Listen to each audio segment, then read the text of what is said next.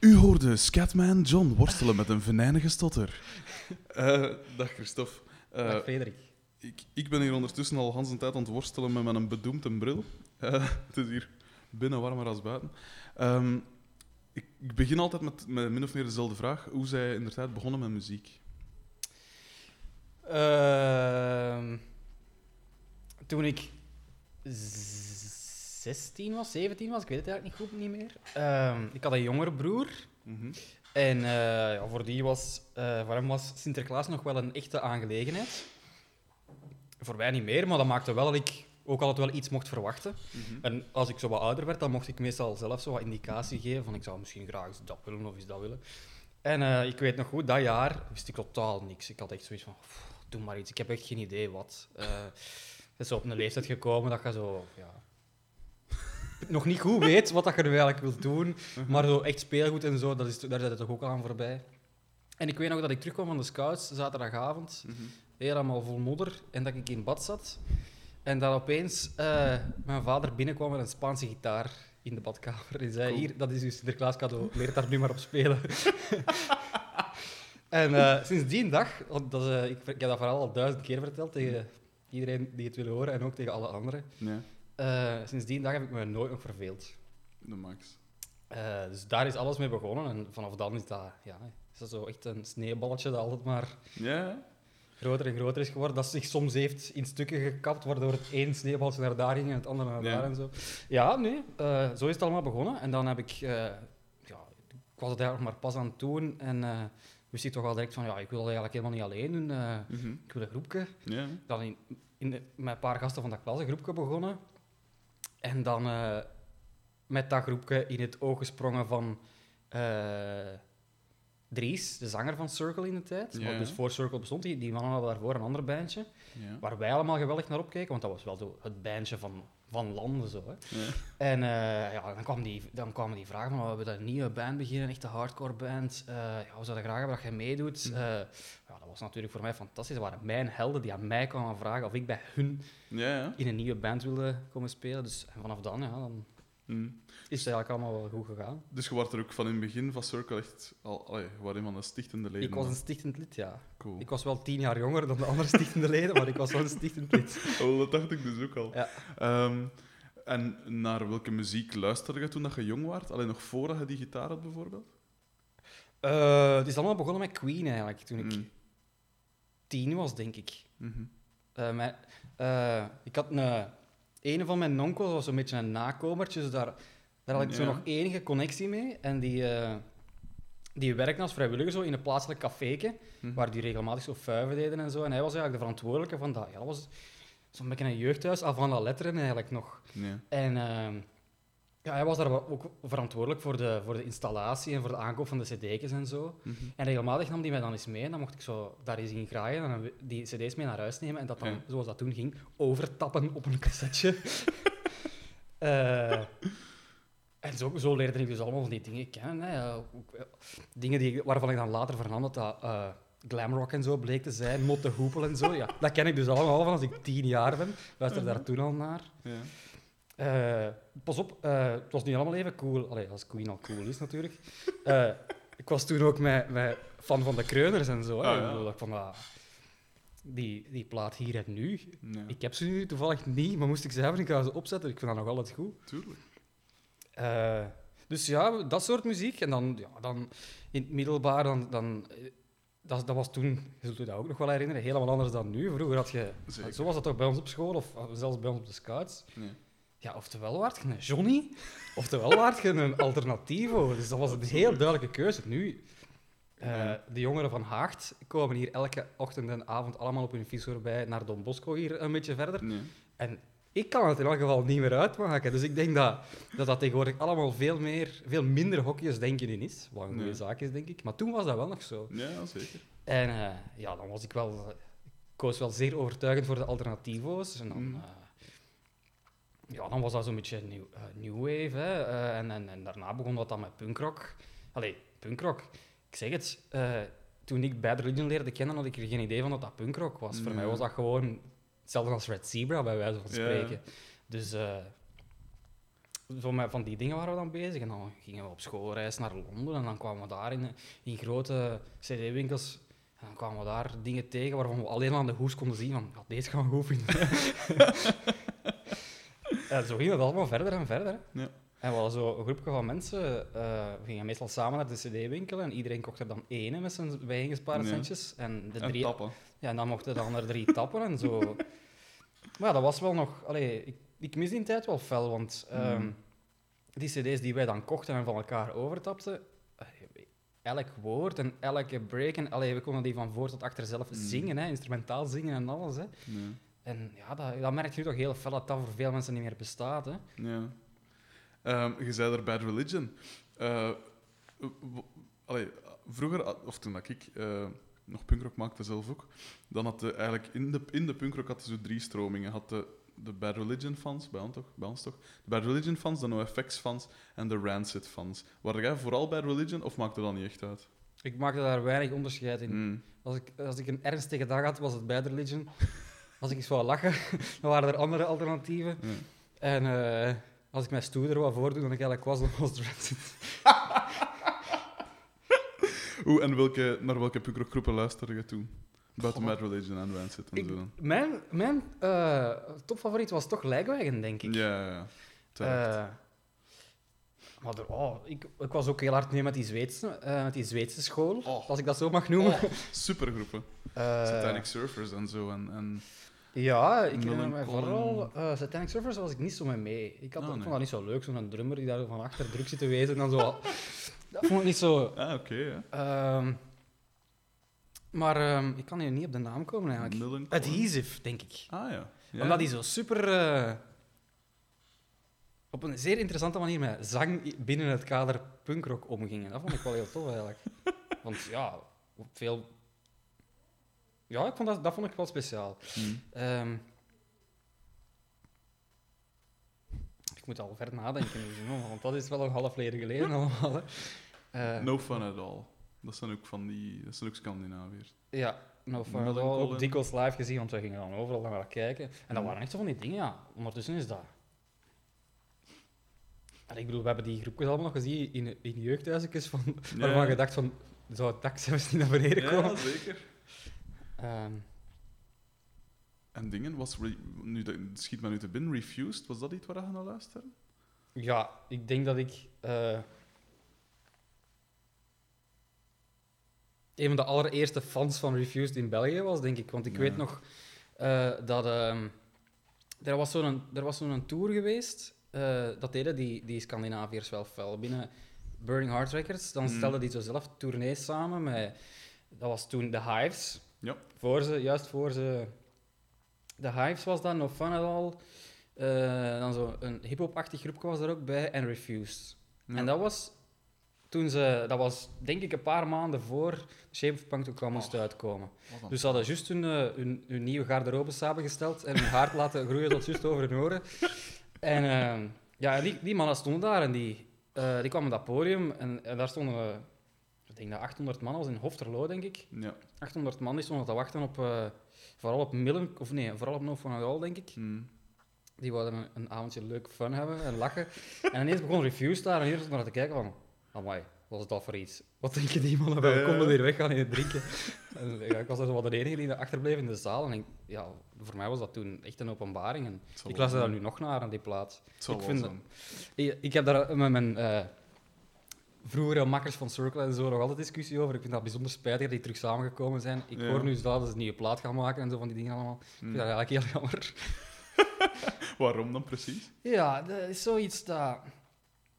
Dat was toen en dat was toen wat het moest zijn en dat was echt en dat was helemaal nieuw en dat kunnen ze toch nooit meer opnieuw doen, Mm. wat ze toen gedaan hebben. Ze kunnen nog eens zoiets doen, maar Ja. ik geloof nooit dat ze nog eens de boel op zijn kop kunnen zetten. Ja. Ze hebben die- vo- nee, vorig jaar die, die, die eh, reunieconcerten gespeeld heel, en je zag daar ook aan dat dat waren, dat waren topproducties echt. Hè. Dat was met zijn. een hele trailer en een decor en, en, ver- en licht. En, allee, dat was Mm. echt zoals een grote band de dag van vandaag toert. En je zag ook duidelijk dat ze nu ook veel beter hun eigen nummers kunnen brengen dan ze dat toen ooit gedaan hebben. Want uiteindelijk was Refused, laat ons eerlijk zijn, in die tijd een heel slechte liveband. Eh maar toch, verloor daarmee voor mij ook datgene wat het juist Ja. geweest was. Ja, ja. Heb je die documentaire gezien? eh, Refuse Are Fucking Dead? Ja. Dat, vond ik ook, dat vind ik zo'n coole ding. Dat is maar 40 minuten lang of zo. Ja. Maar dat toont echt waar dat die voor stonden. En ook dat laatste optreden daar in een kelder ergens in the middle of nowhere. Hm. En toch vol een bak gaan. Ik vond dat zo... Oh. En die hebben ook alles, hè. Als je The Shape of Punk to Come beluistert, daar zit, daar zit uiteraard hardcore in, maar daar zit jazz in, daar zit, daar zit wat hip-hop in. Hè. Dat, dat tussenstuk in New Noise bijvoorbeeld. is Mhm. zo wat, daar zit techno in, daar zit alles in. Dat is zo... En dan 15 jaar voordat al die andere groepen dat begonnen te, doen- Mhm. te doen. Want als je zo luistert naar zo Screamo van de laatste jaren en zo, beginnen ze ook zo al die... die allee, zo daarvan alles in te smijten dat, dat er eigenlijk vroeger nooit in zou geraakt zijn. Maar als je u dan bedenkt dat de Shape of Punk to Come van 97, 98 is, zoiets, dat is zo'n goede groep. Maar ja, en eh, Oh. de eerste jaren van de, eh, van de jaren 2000, met heel die... ehm, hoe heet het dan nu weer al? Zo, die, toen zo Limp Bizkit en van die dingen allemaal... New metal. New metal, juist, Ja. ik kon niet op de naam komen. Ja, die dweept allemaal, zo gezegd, met Refused. En die willen allemaal de nieuwe Shape of Punk Come Ja. maken. Maar die hadden toch allemaal een afslag gemist. heb ik de indruk. Al hebben ze wel een verdienste, vind ik. Het is, ik vind het tegenwoordig heel gemakkelijk om zo Limp Bizkit en al ehm, allee, te bashen. nee, maar Limp Bizkit was- stak ziet- er dan duidelijk nog bovenuit. Ah, wel, als je ziet dat gitaarspel van Wes Borland, dat heb ik altijd cool gevonden. Omdat dat echt nog origineel is. Maar dat waren ook dat waren Fred Durst, nog iets anders. hè. Oh, Ja, ja. Dat was tenminste een persoonlijkheid. Ah, wel, dat wel. de Ja, zanger van. POD, ik kan het me al niet meer Ah, voorstellen. wel, dus- voilà, POD en al, dat waren zo die platte dingen ervan. Ehm, hoe oud waren toen dat... Dus ze vroegen nu... Allee, die, de, de, de latere muzikanten van Circle vroegen nu dan van hey, we gaan niet nieuw beginnen. Hoe oud toen dat je daarmee begon met Circle? 18. 18. Bij wat dat een van de coolste groepen van begin jaren 2000 en zo eh, Ja, was. dat wisten we toen natuurlijk ook nog niet. De max. En hoe, hoe ging dat dan? Allee, ik bedoel, hoe, hoe was die sfeer? Hoe was dat, dat? Allee, hoe- ja, hoe moet ik me dat voorstellen? Want je ging toen gaan studeren, neem ik aan. Ja, ik studeerde in Leuven, ja. En, en ja, hoe zag je leven er toen uit? Ja, Dries die studeerde, de zanger, die studeerde ook in Leuven. Die was aan zijn tweede studie bezig. Die had eerst... ehm, eerst pol en sokken en dan rechten, of omgekeerd, ik weet het niet meer. Ja. Eh, maar we zagen elkaar daar dan vaak. En eh, ja, toen had je ook een vaste maandag, maandagavond afspraak. Hè? Eh, Funtime Radio, maandagavond van 9 tot 11, denk ik. Hmm. Twee uurtjes. Dat was, in, eh, dat was Radio Scorpio, dat was toen nog waar nu Stuk zit. Ja, ja. En daar, daar gingen wij allemaal, heel die scene ging daar elke, avond, elke maandagavond rond. En daarna gingen we een drinken op de markt. Oh, dat is zo cool. En zo, ja, zo is dat allemaal aan, aan het rollen gegaan. En dan eh, via die mannen, ja, die kennen dan Dries goed. En eh, die, Dries vertelde van, ja, ik, heb, een- ik ben met iets nieuws begonnen. Het, zou wel, het, gaat wel, het gaat wel tof zijn, denk ik. En dan in, in die dagen ging dat al heel snel van, nou, weet je wat, we doen binnenkort daar een optreden. Er komen al 87 groepen, maar er kan gerust nog maar een 88ste bij. Dus komt af. Eh, ja, maar we hebben nog maar drie liedjes. Dat is al niet erg. Eh, en zo speelden we, dat weet ik ook nog goed. Eh, ons allereerste optreden was het voorprogramma van PN in Den Hemel in Zichem. Ja. Waar nog altijd optredens gebeuren. Hmm. Waar de eerste try-out van Customs bijvoorbeeld ook was. Cool. En daar speelden we dus inderdaad ons drie liedjes die wij hadden. En die mannen, die, want we hadden eigenlijk geen ander publiek dan PN zelf, moet ik eerlijk in zijn. Eh, ja, die waren er al behoorlijk van onder de indruk. Uh-huh. En, eh, en toen waren die bezig van, ja, eh we zijn van plan om een label te beginnen.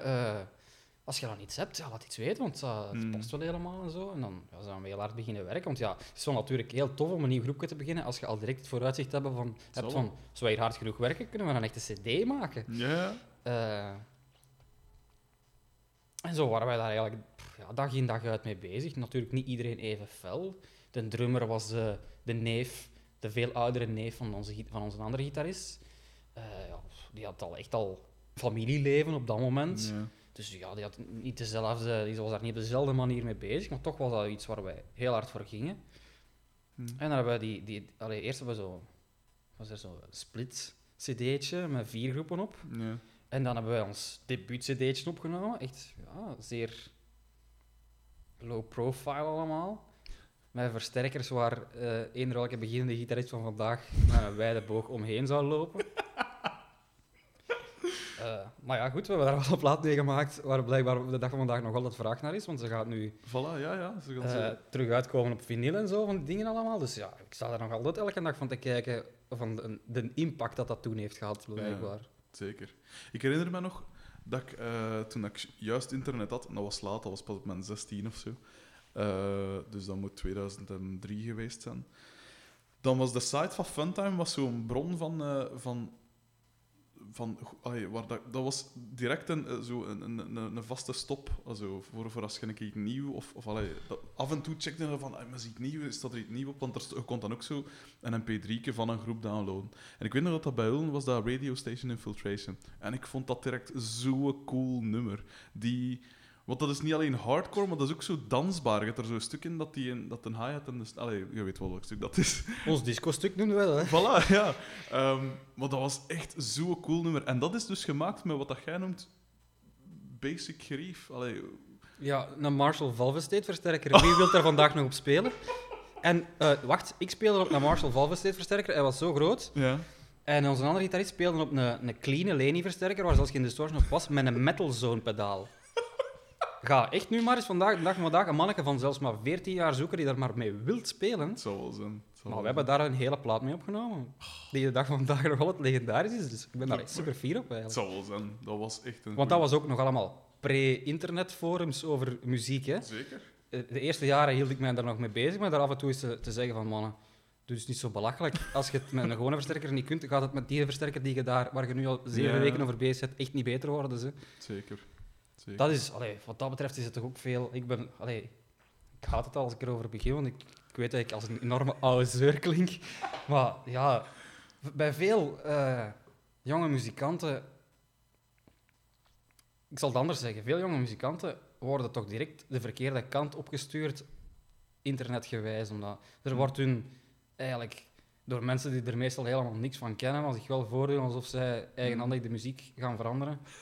eh wijsgemaakt dat je dat soort materiaal moet hebben, dat je dat moet doen, dat, je, dat, het, dat het met- minstens in zo'n studio moet opgenomen worden. Mm, zeg wel, allee, sorry, maar dat doet er echt niet toe. nee. Ehm, en ik vind dat jammer, omdat als je als jonge gast kijk je natuurlijk op naar andere mensen en word je daar heel gemakkelijk door beïnvloed. Dus ik vind het spijt dat heel veel jonge mensen beïnvloed worden door heel foute figuren. En dat, Absoluut. dat is gewoon jammer. Ja.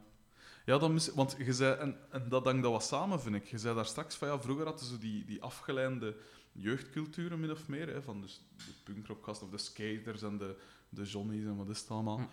En toen, want ik zat, was toen ook een, een, punk, een skatende punkrocker, en eh, toen was ook ons mentaliteit, zeker in de, in de punkrock, zeker als je de groepen opnoemt, dat je daar juist opgenoemd hebt, had, was die DIY-mentaliteit van do-it-yourself, dat leefde heel erg bij ons. En oké, we hadden natuurlijk niks van gerief. Ik herinner me, mijn eerste basket was een, een Yamaha RBX 170 van 200 euro of zoiets. Mijn eerste versterker was een dat ik gekregen had, een, gitaarversterker van iemand, dat eh, van zijn eigen al zo wat distortion had, omdat het gewoon kapot was. Eh allee, zo heel erg, maar dat betrok ons dan niet aan. En dat was gewoon eh, muziek maken en gaan en, en zien waar dat uitkomt. En ook mijn, eh, gelijk onze eerste optredens, we hebben onze eerste tien optredens, dat was met vijf nummers of zo. En wij maakten snelle punkrock, dus dat was dan ook grap gedaan. Ook. wij zo evenveel binteksten als nummers. Allee, even lange binteksten. Ehm, maar ehm, dat is inderdaad, dat vind ik nu ook wel, dat is precies ook wel aan het weggaan. Daar wou ik toe komen. Zo die, die mentaliteit van, ja, kom, we, zien wel waar dat we uitkomen, we pakken onze gitaar, we pakken onze bas en weet ik veel. Maakt eigenlijk niet uit wat merk, wat dingen. We gaan gewoon. Oké, we merken dan ook wel bij de groepen dat we zagen dat, je, dat veel gasten op een JCM 900 of zo spelen van Marshall of op, op eh, Ampeg eh, voor bas en zo. Maar op zich trokken we dat ons niet, niet, niet zo aan. En nu zie je veel rapper dan een gast er met zo'n een vintage eh Gretsch gitaar afkomt van zoveel duizend euro en weet ik veel. En dat is... Nu, ik denk wel dat dat ook met, eh, dat heeft ook met generaties te maken. Omdat Mhm. veel van die jonge gasten vandaag zijn al zonen van mensen die wel Ja. dat nog gedaan hebben. En die kunnen gewoon... Ja, die nemen ten eerste al heel die bagage mee van hun ouders. Ja. En vaak staan de instrumenten daar nog altijd en hebben ze het maar voor het grijpen. En worden ze aangemoedigd ook door hun ouders om daarin verder te gaan. Ja, dat Ik heb dat de eerste keer eigenlijk echt gezien toen de Black Box Revelation pas kwam kijken. Ja. Ik bedoel, die, die Jan Paternoster, ja, die kende muziek die ik als gast die meer dan tien jaar ouder was, op dat moment nog Ja. maar aan het ontdekken was. En die kende dan al vanaf zijn vijf jaar was, gewoon omdat hij dat van zijn ouders ja. meekreeg. En dan krijg je, heb je natuurlijk een gigantische voorsprong. En zijn. die generatie is er nu echt aan het doorkomen, voelt je? Van mensen die echt al heel veel bagage hebben. Wij, allee, ik moet daar eerlijk in zijn, toen ik 18 jaar was, ik kende geen hol van muziek. Hè. Ik bedoel, ik luisterde de hele dag naar Lagwagon en Queen en dat was het. Hè. Bij wijze van spreken. Ik overdrijf nu een beetje. Maar die, die mannen van tegenwoordig, ja, die, de meeste... Dat is een generatie die al zoveel kent. En wat je zegt over dat DIY-gevoel, dat is zeker waar. Maar tegelijkertijd is het misschien ook een beetje het omgekeerde dat het zo DIY is dat er heel veel mensen gewoon thuis op een laptop helemaal alleen dat en heel is wel plaat in elkaar aan het boksen zijn. Het valt gewoon zo niet meer op. I- is- iedereen is op zijn eigen kamertje bezig. En Ja. zoals je jezelf aantoont, met één micro, één preamp en een laptop kun je een hele plaat maken. Hè? Ja, ja, zeker. Maar toch, allee, het, stoor, het, sto- het stoorde mij in de zin van... eh, Dat is gelijk een jonge gast dat zo op zijn 18 een auto krijgt van zijn vader. Zo. Maar zo niet gewoon een shit-auto, gelijk waarmee dat ik krijg, bijvoorbeeld. een auto dat ik gekocht heb voor 200 euro. Ehm, maar zo een, een, een, eh, ja, zo, iets, iets, zo middenklasse echt al direct. zo. Zo'n auto van, van toch 10.000 euro. Zo. Dat zo die... Ik weet dat niet, dat stoort mij zo'n beetje. Allee, dat zegt niks over die mensen en zo. En, en iedereen... Ik, je zal zot zijn om het te weigeren. Maar het, het, dat mist zo wat charme, vind ik. ik Ja, het is anders. Hè. Allee, Mm. Ik denk dat alles verandert. Hè. Mm. En er zullen nog altijd... eh, misschien zullen de gasten die, dat, die daar tegenwoordig niet meer financieel mee mee kunnen, dat je die gewoon niet meer ziet. Omdat allee, die worden in geen enkele groep waarschijnlijk aanvaard. Als je niet zo'n versterker en zo'n gitaar hebt. Dat is juist, ja. Misschien zou ik, als ik nu eh, mijn, ja, ik had toen, die gitaar waar ik toen op speelde, was mijn enige gitaar. Dat was een, een Ibanez Artist uit 1979, 78. ja. Ja. Toen dacht ik ook van, ja, zie wat een oude rommel dat ik hier nu moet spelen. Achteraf bleek het dan vintage en cool te zijn, ja. dus zo dubbel Ja. is het allemaal, hè. Mm. Eh, hoe, hoe ging dat schrijfproces bij Circle? Voor, van nummers? Goh, ehm, ja, eh, hoe ging dat? Ofwel, meestal had, had ik of Dimitri, de andere gitarist, een riffje. Mhm. En dan begonnen we daarop te jammen en Dries die, die deed er dan niets over. Maar dus, het- je schreef echt als, als band samen in het repetitiekot. Allee, al jammend, zo gezegd. Het was niet dat er op voorhand iemand afkwam met een nummer. Dat Of- je- of ik een- weet dat er een paar nummers zijn geweest die ik eigenlijk quasi volledig al had, maar zon, allee, niet, niet, niet textueel, gewoon Ja. muziek. Hè. Maar de meeste dingen gebeurden wel van... eh, ah, ik heb een. Ah, ik heb ook nog een riffje. Ah, dat is goed. Twee riffjes, dat is een nummer, hè. Want we hebben helemaal in het begin hebben we meegedaan aan zo'n eh, aan zo'n eh, een rockwedstrijd, echt. Mhm. Waar wij dus eigenlijk totaal niet in pasten. We waren echt zo Ja. mijlen ver de speciaalste band daarin. En eh, in dat jury, we hebben dat toen gewonnen. Mhm. En daarmee mochten we op Boerenrock op het hoofdpodium spelen. dus dat was voor ons al, wow, zie je zo cool dat wij zijn. Ja. En in dat juryrapport, bij de afroeping van die prijzen, dat zal ik ook nooit vergeten, werden wij de prit van de Belgische muziekscene genoemd. Omdat die mensen versteld stonden van de vreemdste combinaties van stukken en riffs die wij Ja. toch in één nummer samen kregen. En toch had je nooit het gevoel van, alleen maar, dan dank nu toch met haken en ogen aan elkaar. Dat klopte op een of andere Ja. manier allemaal. En dat dan samen met het, het feit dat wij het in zo'n scene aandurfden om eh, Mia van Gorky op onze manier te spelen. Nee, niet Mia, ehm, Anja. Ja. Eh, ja, dat vonden ze dan, dat, dat bleek dan toch speciaal te zijn. Mhm. En ook, wij waren allee, qua attitude echt wel een hardcore band, Mhm. maar op een of andere manier hebben we daar nooit in die scene echt goed gepast. Want wij Mm. spelen dan op van die echte Europese heavy festivals. Ja. Tussen groepen die later heel groot en bekend geworden zijn. Hatebreed, Poison the Well en wat was het allemaal. Ja. Ik bedoel, we hebben die allemaal ook als in de underground nog gekend. Ja. Eh, die mannen van Poison the Well hebben ooit nog eh, materiaal van ons gepikt zelfs. Dat kunnen we, zelfs dat kunnen we zeggen. Ehm, Oh, mijkels. eh, ja, wij kwamen daar dan aan. Als de vorige groep gedaan had, moesten die 86 Marshalls en Mesa Boogies van het podium sleuren. En ik kwam daar dan aan en de ene kant met een Marshall Valvesteen, aan de andere kant mijn gitaar, waar ik zelf geen koffer voor had. En die keken allemaal naar ons van, en nu ga je daar heavy muziek te spelen of wat? Super cool. En zo gauw als wij begonnen, was het al van, wow, wat een coole mens dat eigenlijk. Dus Ja. ja, op een of andere manier waren wij altijd toch wel speciaal. Mhm. En dan had je ook natuurlijk eh, de eerste, ja, in de eerste jaren van de jaren 2000 was in die scene straight edge, zeker in West-Vlaanderen en zo, dat was gigantisch groot. Ja, zeker. En eh, ja, dan kwamen wij op van die affiches terecht met zeven straight bands en wij.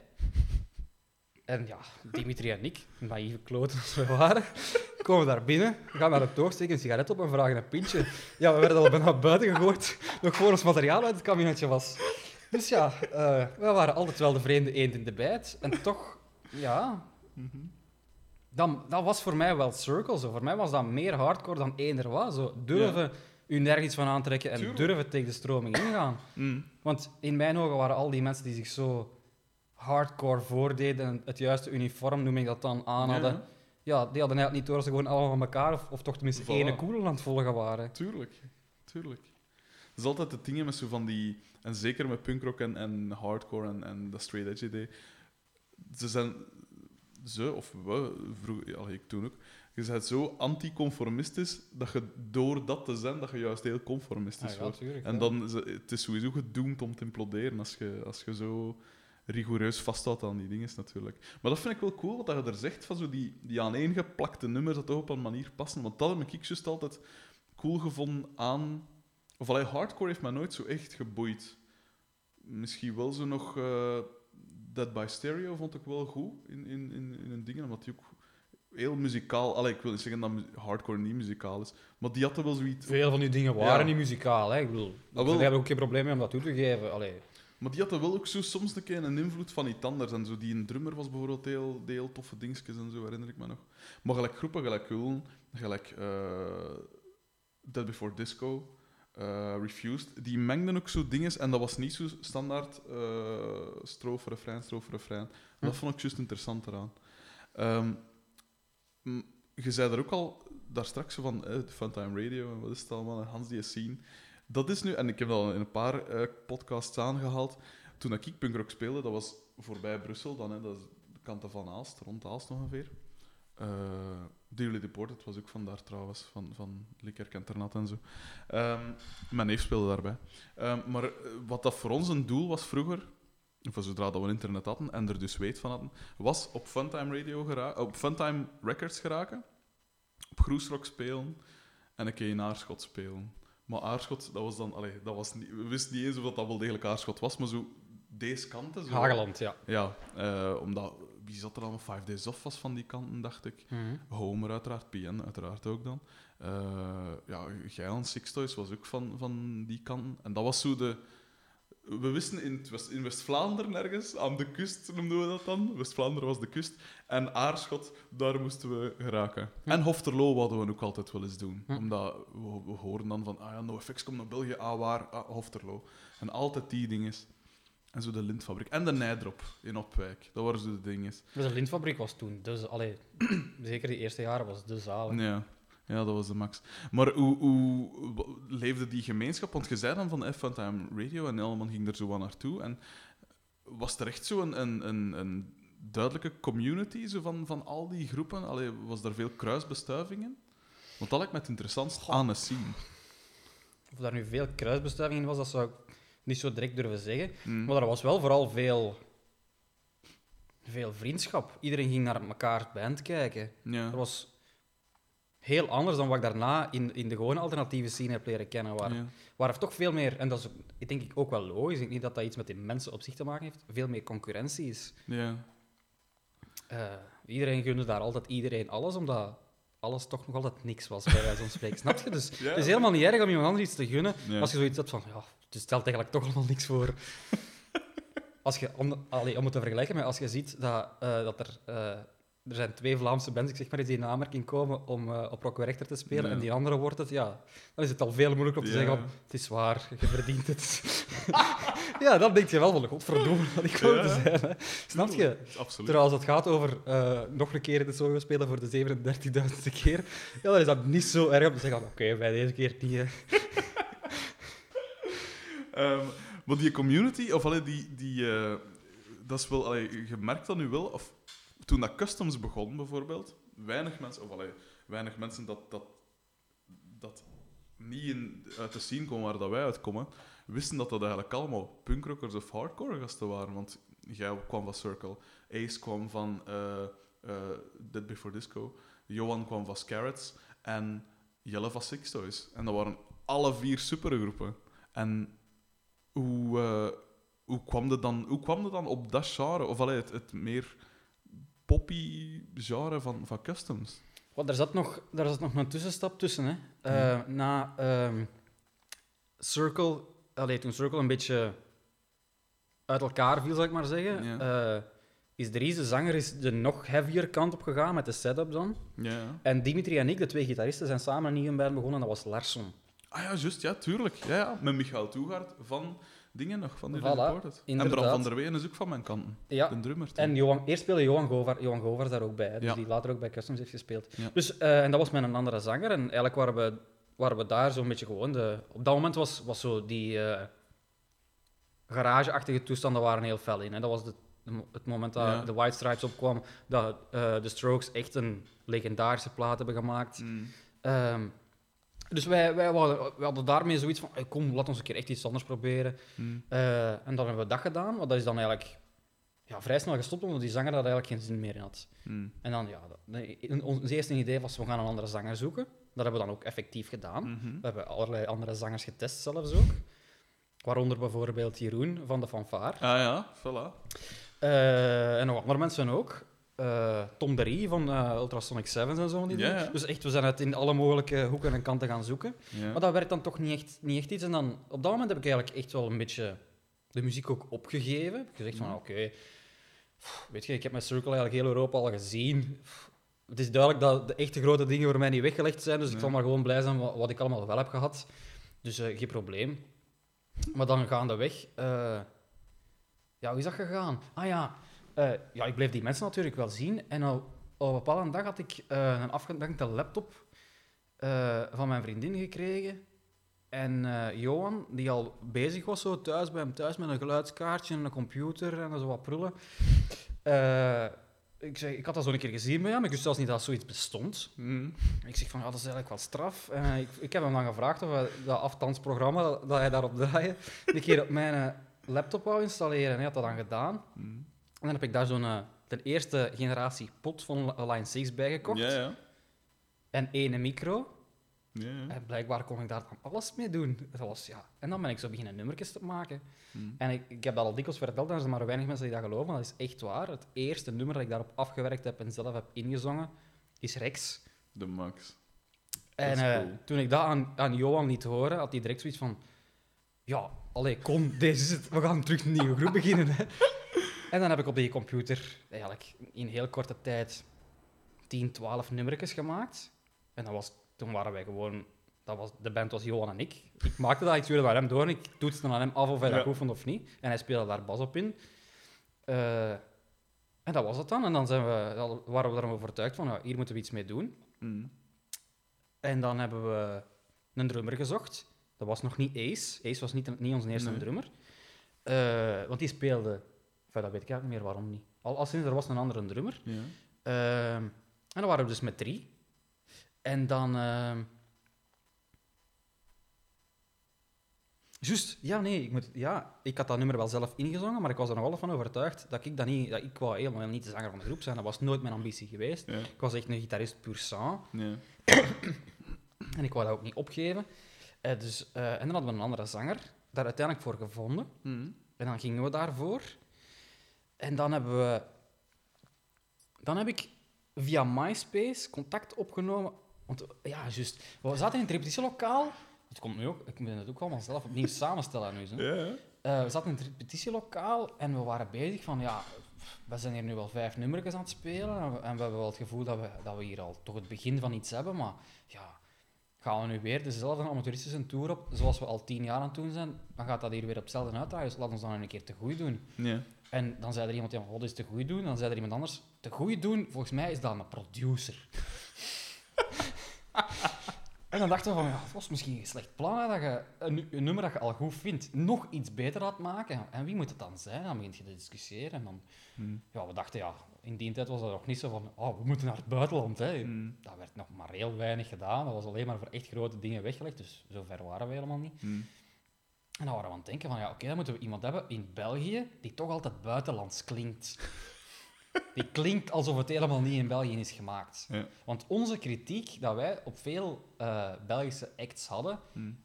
was ja, kritiek en niet-kritiek tegelijkertijd. Enerzijds was dat de eigen, maar anderzijds vond, vonden wij dat je dat toch veel te veel kon horen dat dat een groepje uit Ja. Borgerhout of uit weet ik waar was. Ja, ja. En dat wouden we niet. We wouden echt dat we het soort groep waren dat van eender waar had kunnen komen. ja. En op dat moment kwamen we eigenlijk maar bij één naam uit, waarvan wij dachten van, die heeft dat. Hm. En dat was Alex Callier. Ja, juist. We hadden daar ook al veel allee, slechte verhalen over gehoord, ook dat is iemand waar mensen graag slechte dingen over Ja. vertellen. Ik heb geen idee waarom eigenlijk, maar los daarvan. Hm. Eh, en dan heb ik die via MySpace gecontacteerd. En die was eigenlijk zo, ja, redelijk, redelijk eh, heel zo zakelijk. Ja. Dat was niet zo, oh, tof, en, eh, ja, laat ons Ja, doen. was, en eh, die zei van, ja, stuur mij eens iets door. Mhm. En ik stuurde die een nummerke door, dat was een demo van Rex. Mhm. En eh, binnen de drie minuten, dus die had dat nummer afgeluisterd en direct daarna geantwoord, gewoon bel mij op 04. ik zo, shit, nu moet ik naar Alex Callier gaan bellen, of wat moet ik dat doen? Ja, zeker nog twee dagen mee gewacht, gewacht omdat ik dat gewoon echt niet durfde. Ja. En dan toch gebeld en dan was dat ook zo van, ja, eh, die zei ook echt zo direct van, ja, je beseft toch wel dat dat een hit is? Ik zo, eh, ja. Nee, ik besef dat niet, maar misschien, ja, als jij het ook goed vindt, dan kunnen we misschien eens iets afspreken of zo. En dan zijn we daar naartoe gegaan, dan heeft hij ons uitgenodigd bij hem thuis, heeft ook naar onze andere demo's geluisterd. Hm. En toen was hij al direct bezig van, ja, hier gaan we een plaats van maken. Hè. Dat gaat hier echt, eh, met deze komt echt juist op het goede moment. Dat past perfect in wat er op deze moment in de muziek internationaal aan het leven is. Het klinkt ook niet alsof het door vijf amateurs is gemaakt. dus we gaan dat hier goed doen. En we hebben dat demo van eh, Rex opgenomen. Want eh, dat was wel het nummer dat er bovenuit stak. Dan hebben, zijn we naar de ICP-studio gegaan. Want ja, met Alex Carrier gaat je niet in een Mhm. jeugdhuisje met de drie micro's opnemen. Die, die, wilt wel, die deed dat wel zoals hij dat gewoon was om dat te doen. Hè. Ja. Zo leerden wij natuurlijk al direct heel veel mensen kennen. En dan hadden we dat nummer en dan hebben we dat op een MySpace gepost. En dan merkten we toch ook direct heel fel dat er heel veel mensen direct van verschoten. Van, oh jong, dat zijn die mannen van vroeger, van Circle. En Ja. die ook even luisteren hebben gedaan. En hoort deze nu. Ja, deze is iets, hè. Ja. En dan is dat eigenlijk allemaal heel snel aan het rollen gegaan. En dan hebben we eigenlijk in zeven haasten... eh, ik heb weer een stap overgestaan, hè, want eh, ik heb verteld dat er eerst een, een andere zanger was. Ik ging er nog naar vragen. Juist. En enfin, eigenlijk de week voor we met Alex Callier in de studio zouden gaan om dat nummer op te nemen, hebben we die gast aan de deur gezet. Omdat, Oh. we, omdat we vonden dat dat... Allee, we hadden het gevoel van, ja, dat gaat hier nu echt eindelijk de goede kant op. Als we nog iets willen veranderen aan de groep, dan moeten we het wel nu doen, want daarna gaat dat niet meer gaan. En dan, eh, omdat we daar toch over twijfelden, hebben we dan toch gezegd van...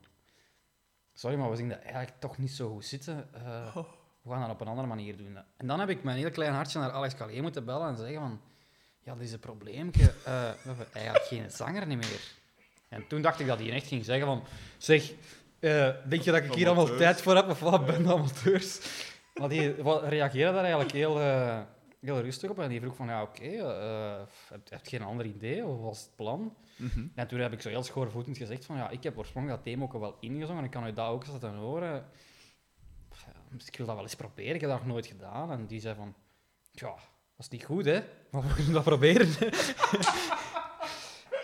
en dan hebben we dat gedaan. En dat was dan dat, was dan dat nummer. En ineens was ik dan toch, terwijl ik daar eigenlijk helemaal niet zoveel zin in had, de Mm. zanger van de groep geworden. Ja. Cool.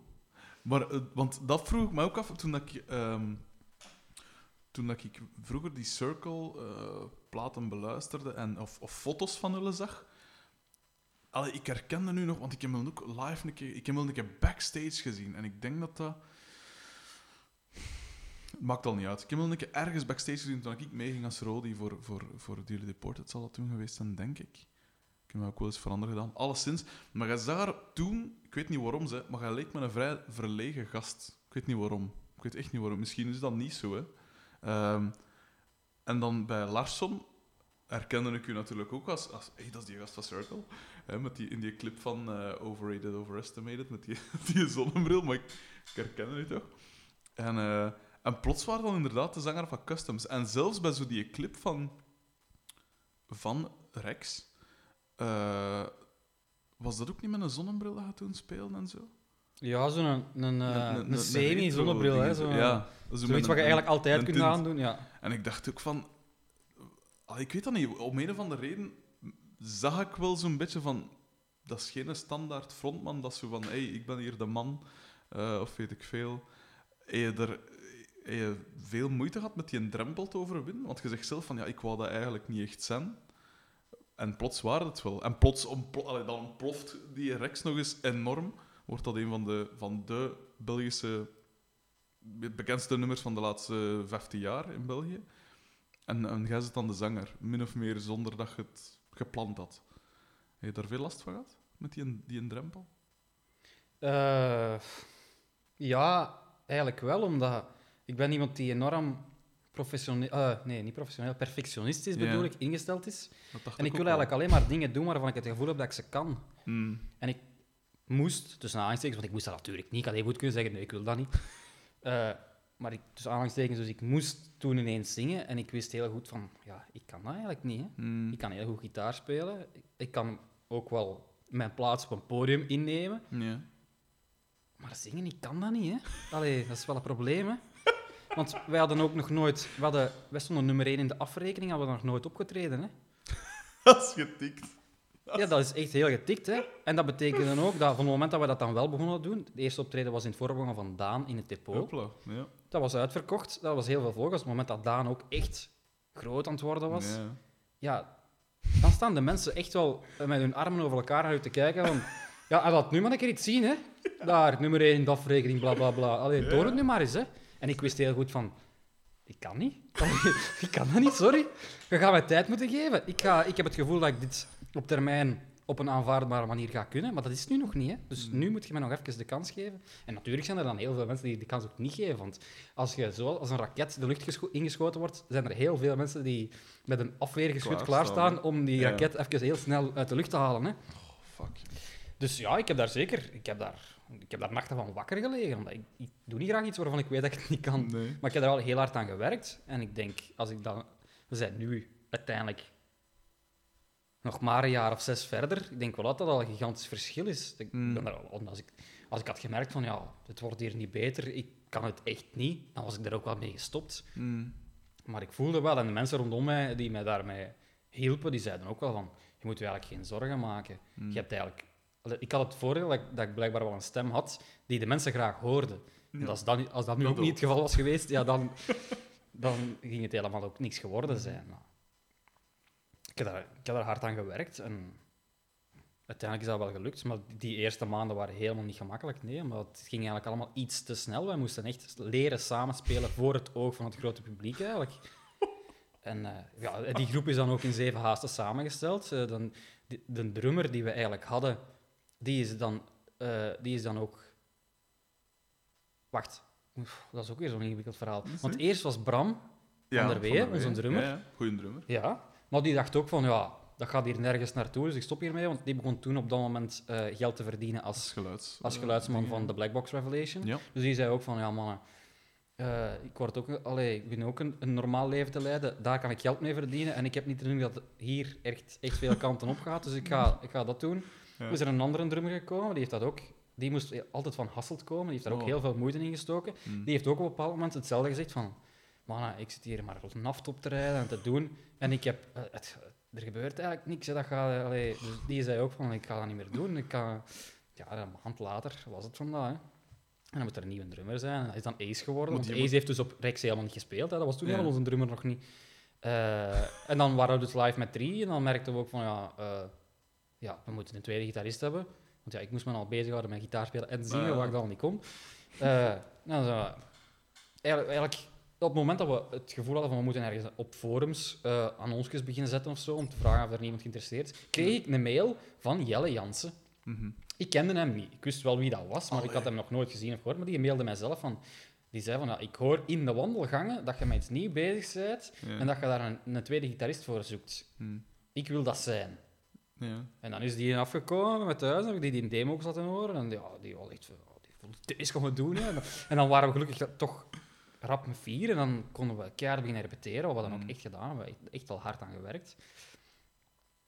Ja, en vanaf dan is het eigenlijk allemaal wel eh, leuk geweest. Hoe kunnen nu Jelle Jansen niet kennen? Dat is zo'n goede gitarist en zo'n met Six Toys, man. Wat een... Oh. Ja, maar Jallan is... is eh, eigenlijk was dat een generatie jonger als ik. Hè. ik Ja. was, op het moment dat Six Toys iets begon te betekenen in die scene, was ik er eigenlijk al weg. Hè.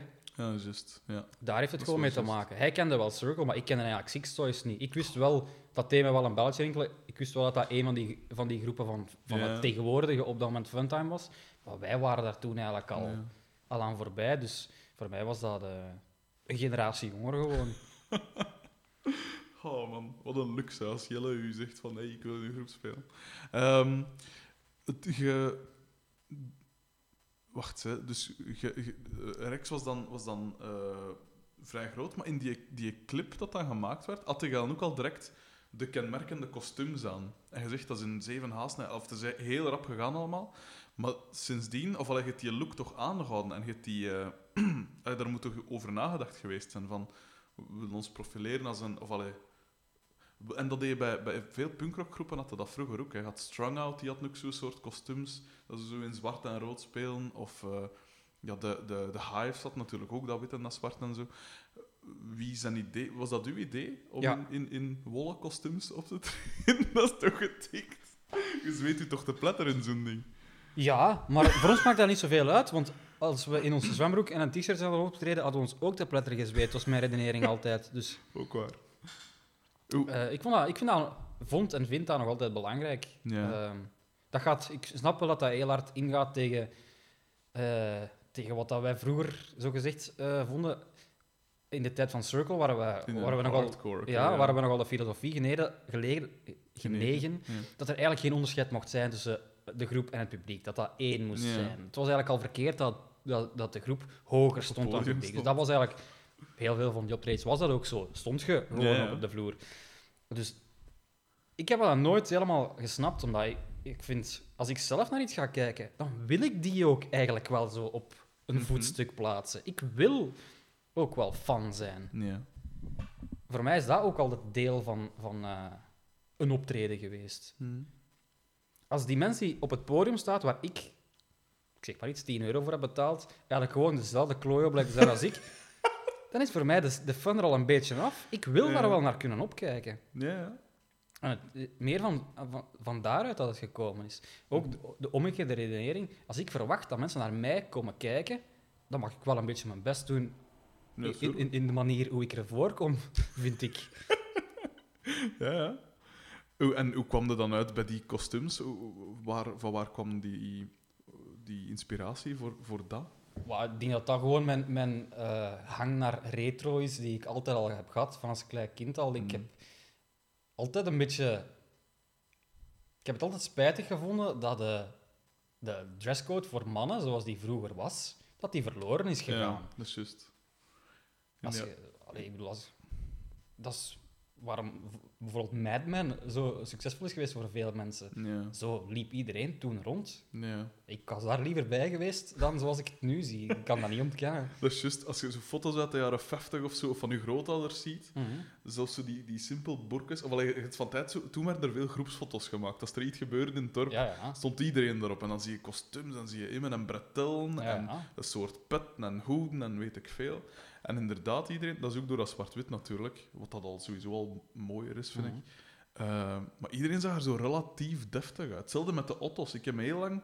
Ik heb ook al gevraagd aan mensen, vrienden van mij, dat ze met auto's bezig zijn, dat ik vraag van, zeg je maar, waarom brengen ze zo die koetswerken van vroeger niet zo wat weer? Ook, allee, soms doen ze dat dan zo in een aangepaste versie beetje. Mhm. Dan zegt hij, ja, dat is met veiligheid en aerodynamica en weet ik veel. En dat, dat waren toen nog van die massieve ijzeren dingen en dat is niet veilig. En, maar dat ziet er zoveel cooler uit. En esthetisch is echt gewoon eh, mooi. Dingen waren vroeger gewoon mooier dan nu, hè.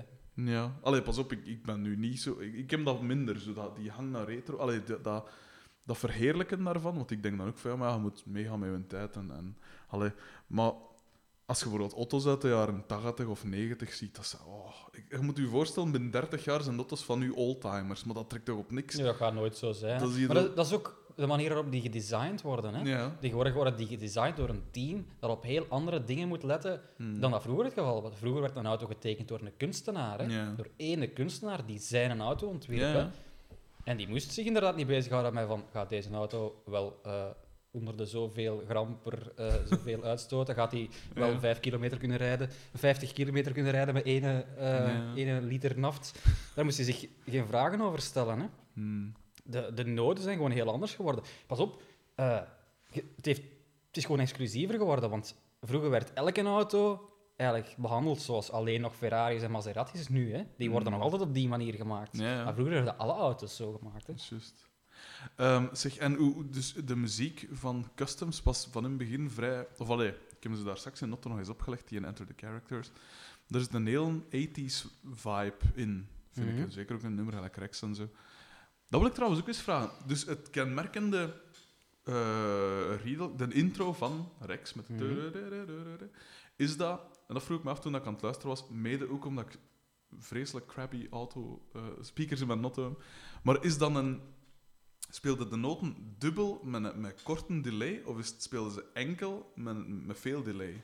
Verstaan je wat ik wil zeggen? Ik, alles, ik, alles is gespeeld. Ah ja. Het is echt zo'n- zoals een arpeggiator eigenlijk gespeeld. Ah ja, oké, cool. En dat wil ik gewoon even weten, sorry. Ehm, maar die 80s... Ja, maar dat is, is trouwens dat is, dat is grappig dat je dat vraagt, want ik heb in, door de jaren heen krijg ik regelmatig zo mailtjes van jonge gasten Hm. eh, die ja, inderdaad vragen of ze de tablatuur kunnen krijgen van Rex.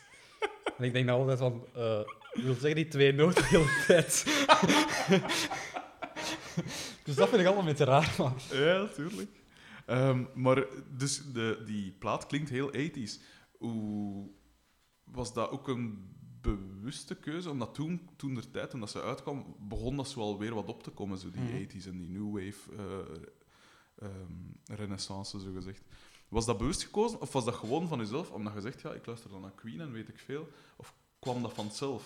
Of zat er ook wel wat een dingen achter van, dit zal wel werken?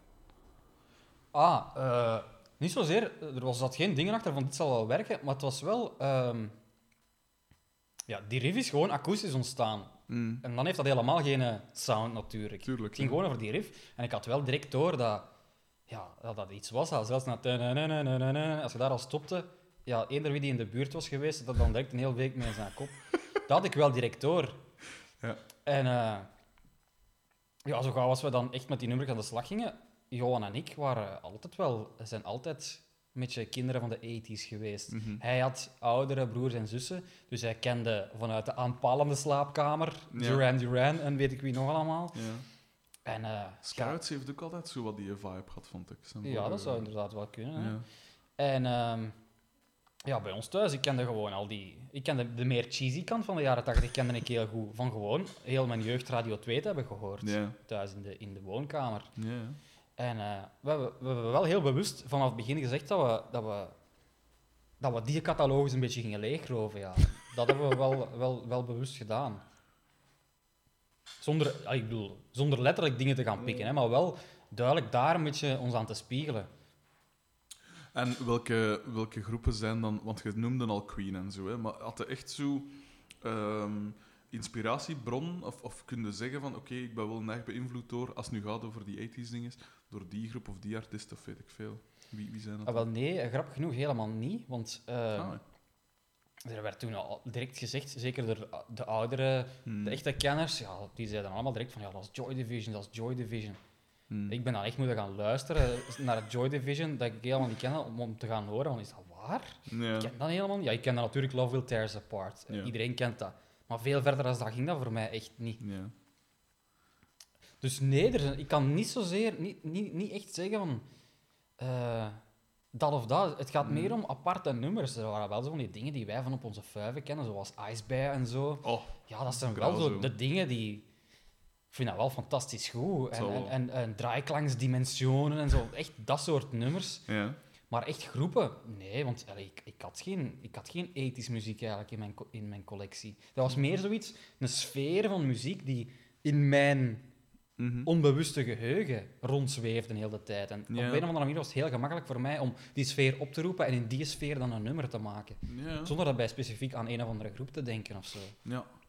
Eh, en hoe is uw klank geëvolueerd eh, met customs nu tot, tot een dag van vandaag? Want die tweede plaat, hoe was het dan om die tweede plaat te schrijven bijvoorbeeld? Want die eerste plaat was heel succesvol. Rex, Justine, eh, de, de Matador en, en dat Hm. soort dingen. Heel goede nummers, heel succesvol. En dan moet de, de, de moeilijke tweede komen, zogezegd. Had de, voelde je toen veel druk om die te maken, of juist niet? Nee, eigenlijk totaal niet. Ehm, druk heb ik daar eigenlijk nooit bij ervaren. Ook bij, de interviews rond die plaat werd mij die vraag altijd gesteld van de moeilijke tweede. Ik heb dat, ik heb dat nooit zo ervaren, want toen, toen eh Enter the Characters uitkwam, was die tweede plaat al bij wijze van spreken al helemaal geschreven. Dus ik was altijd maar aan het schrijven. Daar kwamen, ik had heel veel inspiratie, er kwamen altijd dingen bij. Mm. Dus nee, het was uiteindelijk gewoon een beetje kiezen wat we gingen doen. Maar ik heb toen wel, ehm, en ik, ik besef achteraf wel dat dat, dat dat een beetje fout is. De tweede plaat was wel ook een reactie tegen de eerste. Mm. Omdat wij, wij werden veel feller dan ik zelf had verwacht in een duidelijk hoekje gezet. Mm. En wij werden overal aangekondigd als de donkerste band van de lage landen. en daar voelde ik mij helemaal niet zo comfortabel bij, want ik herkende mezelf daar niet in. Ja. Ik wilde helemaal geen donkere band zijn. Mm. Ik, en ik vond het vooral spijtig dat de, de ironische kant van de zaak, die voor mij in die eerste plaat ook al heel fel zat, Mm. dat die zo verloren was gegaan, dat dat niet opgemerkt was. Mm. En ik dacht van, ja, als dat niet wordt opgemerkt, dan moet ik niet denken dat dat de fout van de luisteraar is, dat dat mijn fout, heb ik dat gewoon niet duidelijk genoeg gemaakt. Mm. Ik bedoel, die, die plaat opent met, met eh, het eerste zinnetje van die plaat is I'd like to be depressed once if I could find the time. Schitterende zin trouwens. Ja, voor mij was dat zo. Voor, was dat de kern van Customs en dat moest dan ook de eerste zin van die plaat zijn. Ja. Maar ik, ik kon er niet bij. Ja, ik heb dat, daardoor heb ik leren ondervinden dat in Vlaanderen teksten gewoon niet belangrijk zijn. Nee. Daar wordt eigenlijk geen aandacht nee. aan gegeven. En dan dacht ik van ja, als mensen het in de teksten niet horen, dan moet ik het in de muziek zelf duidelijk maken. En dan Mm. zijn we echt op zoek gegaan naar zo de meest plastieke sound, overgechorust, die we konden vinden. Uh-huh. eh, voor gitaren en zo. En dan hebben we daar ook binnen de band echt ruzie over gehad. Want Ace bijvoorbeeld, ja, die walgde daarvan. Die Zo. wou dat helemaal niet. Hè. Ja. Maar ik heb daar echt op gestaan en voor mij was dat zo. Ja, ik wou dat als je de eerste twee albums naast elkaar legde, dat je dan het beeld van Customs volledig had. Dat het niet het een of het ander was, het is die twee samen. Mhm. Het een was misschien een beetje te veel eh, rock en donker en het andere was misschien een beetje te veel plastiek en gekleurd. Maar als je die twee samen nam, dan kwam je er wel op uit. En daarom wou ik dat de tweede plaats die balans een beetje... Maar om die balans in evenwicht te krijgen, moest ik er natuurlijk een beetje over gaan. en dat hebben we dan ook met veel goesting gedaan. Schitterend. Ehm oh shit, ik, kwam, ik had een vraag in mijn kop en nu is ze weg. Ehm, en ja, op een gegeven moment is, is Ace eruit gegaan. Ja. Was dat als gevolg van die plastieke toestand? Eh, Zonder, het- je moet niet te veel, want dat ligt misschien wel lastig of zo, maar... ik, denk, ik denk dat, dat, dat daar, zonder dat we dat zelf door hadden, eh, dat daar, daarmee wel de kiem Mm. was gelegd. Ik denk dat Customs sowieso niet de weg op ging dat Ace graag had opgegaan. Ja. En ehm Ace is ook iemand eh, die zelf ook een, heel duidelijke visie over muziek heeft. Mm. En als je zo twee mensen in een groep van vier hebt die zo'n heel duidelijke visie hebben en die visies blijken helemaal niet overeen te komen, ja. Ja. dan is het te hopen dat die visies terug dichter naar elkaar komen. En als dat niet gebeurt, dan weet je dat, dat de Ja. samenwerking niet blijft bestaan. Ja. En veel meer dan dat is het ook niet. Op menselijk vlak was er geen probleem. Mm. ja, ge- mensen geraken dan gefrustreerd binnen een band en, en beginnen zich dan ook anders te gedragen. En, en, Mm. ja, en als de ene dan wit zegt, zegt de andere zwart. Gewoon omdat de andere wit gezegd heeft. Hè. Zoals het waarschijnlijk in heel veel bands gaat. Hè. En eh, ja, dan is dat uiteindelijk toch... eh, was er... Ik denk niet dat er, als we, als, we, als we niet uit elkaar waren gegaan, denk ik niet dat er een derde plaat was gekomen, want dan had niemand van ons daar zin in gehad. Ja. Niemand wou dan nog eens opnieuw eh, door al die discussies en al die meningsverschillen gaan. Dat zouden we er niet meer voor over gehad hebben, denk ik. ja. Ehm, in hoeverre verschilt die derde plaat dan van de vorige twee? Ik zou zeggen genoeg, voor sommige mensen te veel. Ja. Die derde plaat heeft natuurlijk niet gedaan wat dat wij gehoopt hadden die gingen doen. Die was voor veel mensen was die echt een stap te ver. Ja. Weet je, zo leert je heel veel over hoe mu- muziek voor, voor een publiek in elkaar zit. Hè? Mm. Mensen die, die echt van een groep houden, die denken misschien wel dat ze willen dat zo'n groep evolueert, maar eigenlijk willen die Nee, dat niet. Hè? Die willen gewoon. Nee. more of the same. Hè? Mm. En dat is ook heel mooi, maar ja, ik kan dat blijkbaar niet opbrengen om die mensen dat dan te geven. ik, wil, ik maak muziek in de eerste plaats voor mezelf. En ik, wil, ik ben juist heel fier als ik bij die eerste plaat van Circle begin en die dan allemaal naast elkaar. Ik ben super fier over, over de evolutie die daarin zit en over het feit dat dat elke keer weer iets anders was Tuurlijk. en nooit hetzelfde ding herkoud is geweest. Maar dat is niet... Dat is duidelijk niet de manier om succesvol te worden. Ja. Ja. Ik had ook, ik, dat schiet me nu te binnen, omdat je hebt nog gezegd van ja, heel fier en die, die progressie. Ik heb van tijd nog wel gehad, zo de momenten dat ik zo uit de, meer zo uit de punkrock begon te geraken, als ik van tijd dan zo van... En toen dat Rex erdoor kwam bijvoorbeeld, was dat zo van, allee, jongen, dat is toch... Van tijd dan van die gasten zeggen, ah, jongen, dat is toch veel te plat, dat is toch veel te poppy. En ik ken het zo van die gasten dat ook echt in hun scene vastgeroest zijn. En dan zeg ik van, ja, maar dat is wel die gast van Circle. Dat, dat toont toch wat voor een muzikant dat, dat is. Als je en Circle kunt maken en dat. En dat heb ik bijvoorbeeld ook bij, bij Refused. Hè. Dan, dat, daaraan herkende wel een, een goede muzikant, vind ik. Als je zonder dat je... Want dat had een groep gelijk Strung Out bijvoorbeeld. Ik kom er nu weer op terecht. Die had dan een plaat met harde nummers. En dan stond er zo ska bij ook. En dat is dan zo iets te veel... Dat ligt zoiets te ver uiteen. Maar als je gelijk Refused... Dat je op één plaat zoveel genres aan kunt en dat blijft nog zo wat een coherent geheel, dan zie je wel dat allee, dat dan een straffe muzikant is. En dan heb ik bij u nu ook wel, eh, vond ik dan ook wel, oké, dat zijn heel diverse dingen, maar in elk van die genres, en, en, en zelfs binnen Custom zelf, hoorde wel van, ja, die gast kan, allee, dat, het is niet geforceerd, of allee, het is niet, hoe moet ik het zeggen, ja, ja niet geforceerd misschien. Dat is misschien ook best om, om het uh, uit te leggen. Maar uh, je zegt van, dus dat, dat deed niet bij het publiek wat, dat, uh, wat je ervan verwacht had.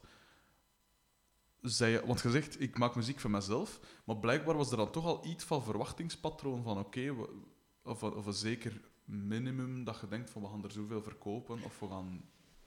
Die... Uh, nee, dan niet echt. Uh, het deed niet wat we hadden gehoopt. Ah, ja. Niet zozeer verwacht, want uiteindelijk hadden we... Ik denk dat wij nuchter genoeg waren om te beseffen van het soort aandacht dat we, dat we met Rex en zo gekregen hebben, mm. de kans is heel klein dat we dat ooit nog eens gaan terugkrijgen. Hoe voel je daar dan bij? Als je pijst van, fuck, hebben we nu te vroeg gepiekt, of niet?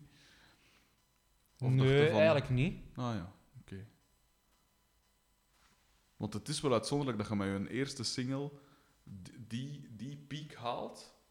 Allee, en, en... We hebben toen heel hard uh, wel het gevoel gehad van het laatste wat we nu willen worden is zo'n typisch one-hit wonder. Hè, oh, waar ze binnen 20 jaar nog, ja, als ze zo van die dedication, alleen van die uh, speciale programma's op de radio van maken van vol one-hit wonders, daar willen we echt niet, niet in komen. Dus allee, we moeten er zo nog een paar hebben. En dat is ons dan gelukkig wel direct gelukt. Mm -hmm. Dus daar was, daarmee viel eigenlijk voor mij al heel veel van ons schouder. Dat we zoiets van, als het hierna niks meer wordt, ook goed. Ja. We waren geen one-hit wonder en we hebben toch al in heel korte tijd twee, drie nummers achtergelaten die waarschijnlijk binnen een jaar of tien nog wel op de radio zullen gedraaid Hmm. worden. Dus daarmee hadden we zoiets van, oké. dat is al een mooie erfenis dat we kunnen achterlaten. Dus voor de rest, al de rest is fun, hè. Ja. Ehm, maar het... eh, moet ik het zeggen? Ja, ik, ik had niet verwacht dat het... eh, ik wist dat er op die plaat een aantal nummers stonden die voor de, voor de, de hardcore customs van misschien een brug te ver zouden zijn. Hmm. Maar ik dacht dat er nog wel genoeg nummers op de plaat stonden die, die niet dat probleem zouden zijn. Mhm. En dat was ook zo, want allee, ik bedoel, er zijn veel mensen die mij aanspreken, die, die zeggen dat dat ons beste plaat is ook. Mhm. Maar de radio was het daar niet mee eens. Mhm. En we weten allemaal wat er gebeurt als de radio niet met u eens natuurlijk. Dus ja, en dan, ja... We hebben wel het geluk dat we, dat we wel door de jaren heen een, een heel goede live-reputatie hebben opgebouwd. Want met een plaat die, die naar media, radio en verkoopstermen eigenlijk helemaal geflopt is, Mhm. hebben wij wel 60 concerten gespeeld. Ik denk niet dat er zoveel eh, andere artiesten zijn die dat kunnen zeggen. Ja, en geen klein concert. En geen want, kleine want concerten. 60 ja. concerten, dat kunnen nog wel bijeenkrabben als je heel goed je best doet en heel... Allee, niks van geld vraagt, bijvoorbeeld. Maar dat zijn wel serieuze zaal waar je al... Allee, uw, uw basisniveau van de zaal waar je in speelt is wel redelijk hoog. Ja, mogen en we hebben ook zeggen. nooit voor een half lege zaal gespeeld. Ja, voilà. Alle optredens die we hebben gedaan, was er veel volk. Dus Hm. de meeste shows die wij in Nederland spelen zijn nog altijd uitverkocht. Ja. Dus wat dat betreft hebben wij geen klagen. Dus we hebben, we hebben wel op relatief korte termijn een, een heel trouw, vast publiek Mhm. dat fan is van onze muziek en alles een beetje waar wij voor staan. En, Hm. En dat, heeft, dat heeft ook te maken met het feit dat wij een beetje zoals hardcore gewijs nog altijd heel veel tijd vrijmaken om met die mensen bezig te zijn aan een show. ja. We staan na elke show, ook al zijn we natuurlijk totaal doordrenkt. Kaduk, voor, doordrenkt, staan wij wel binnen de drie minuten aan onze eigen merchandise stand om daar onze Zo cd's mooi. te verkopen en een klapje te doen met de mensen. Dat is ook tof. en dat heeft veel... eh, ja, dat kost vaak veel moeite, vind ik. Dat wel. Maar, Maar je krijgt daar veel voor terug. voilà, het is dat. Het is dat. Want ik heb dat nu ook van... Allee, ik heb dat n- niet in de mate gelijk dat jij het natuurlijk. Hè, maar gelijk bij, toen ik bij Motec nog speelde ook... Dat is ook zo'n heel trouw... Dat is zo dat postrock publiek zo. Dat is heel, Mhm. heel trouw publiek ook sowieso. En na een optreden... Dat, ik heb, toen ik op Dunk Festival speelde vorig jaar...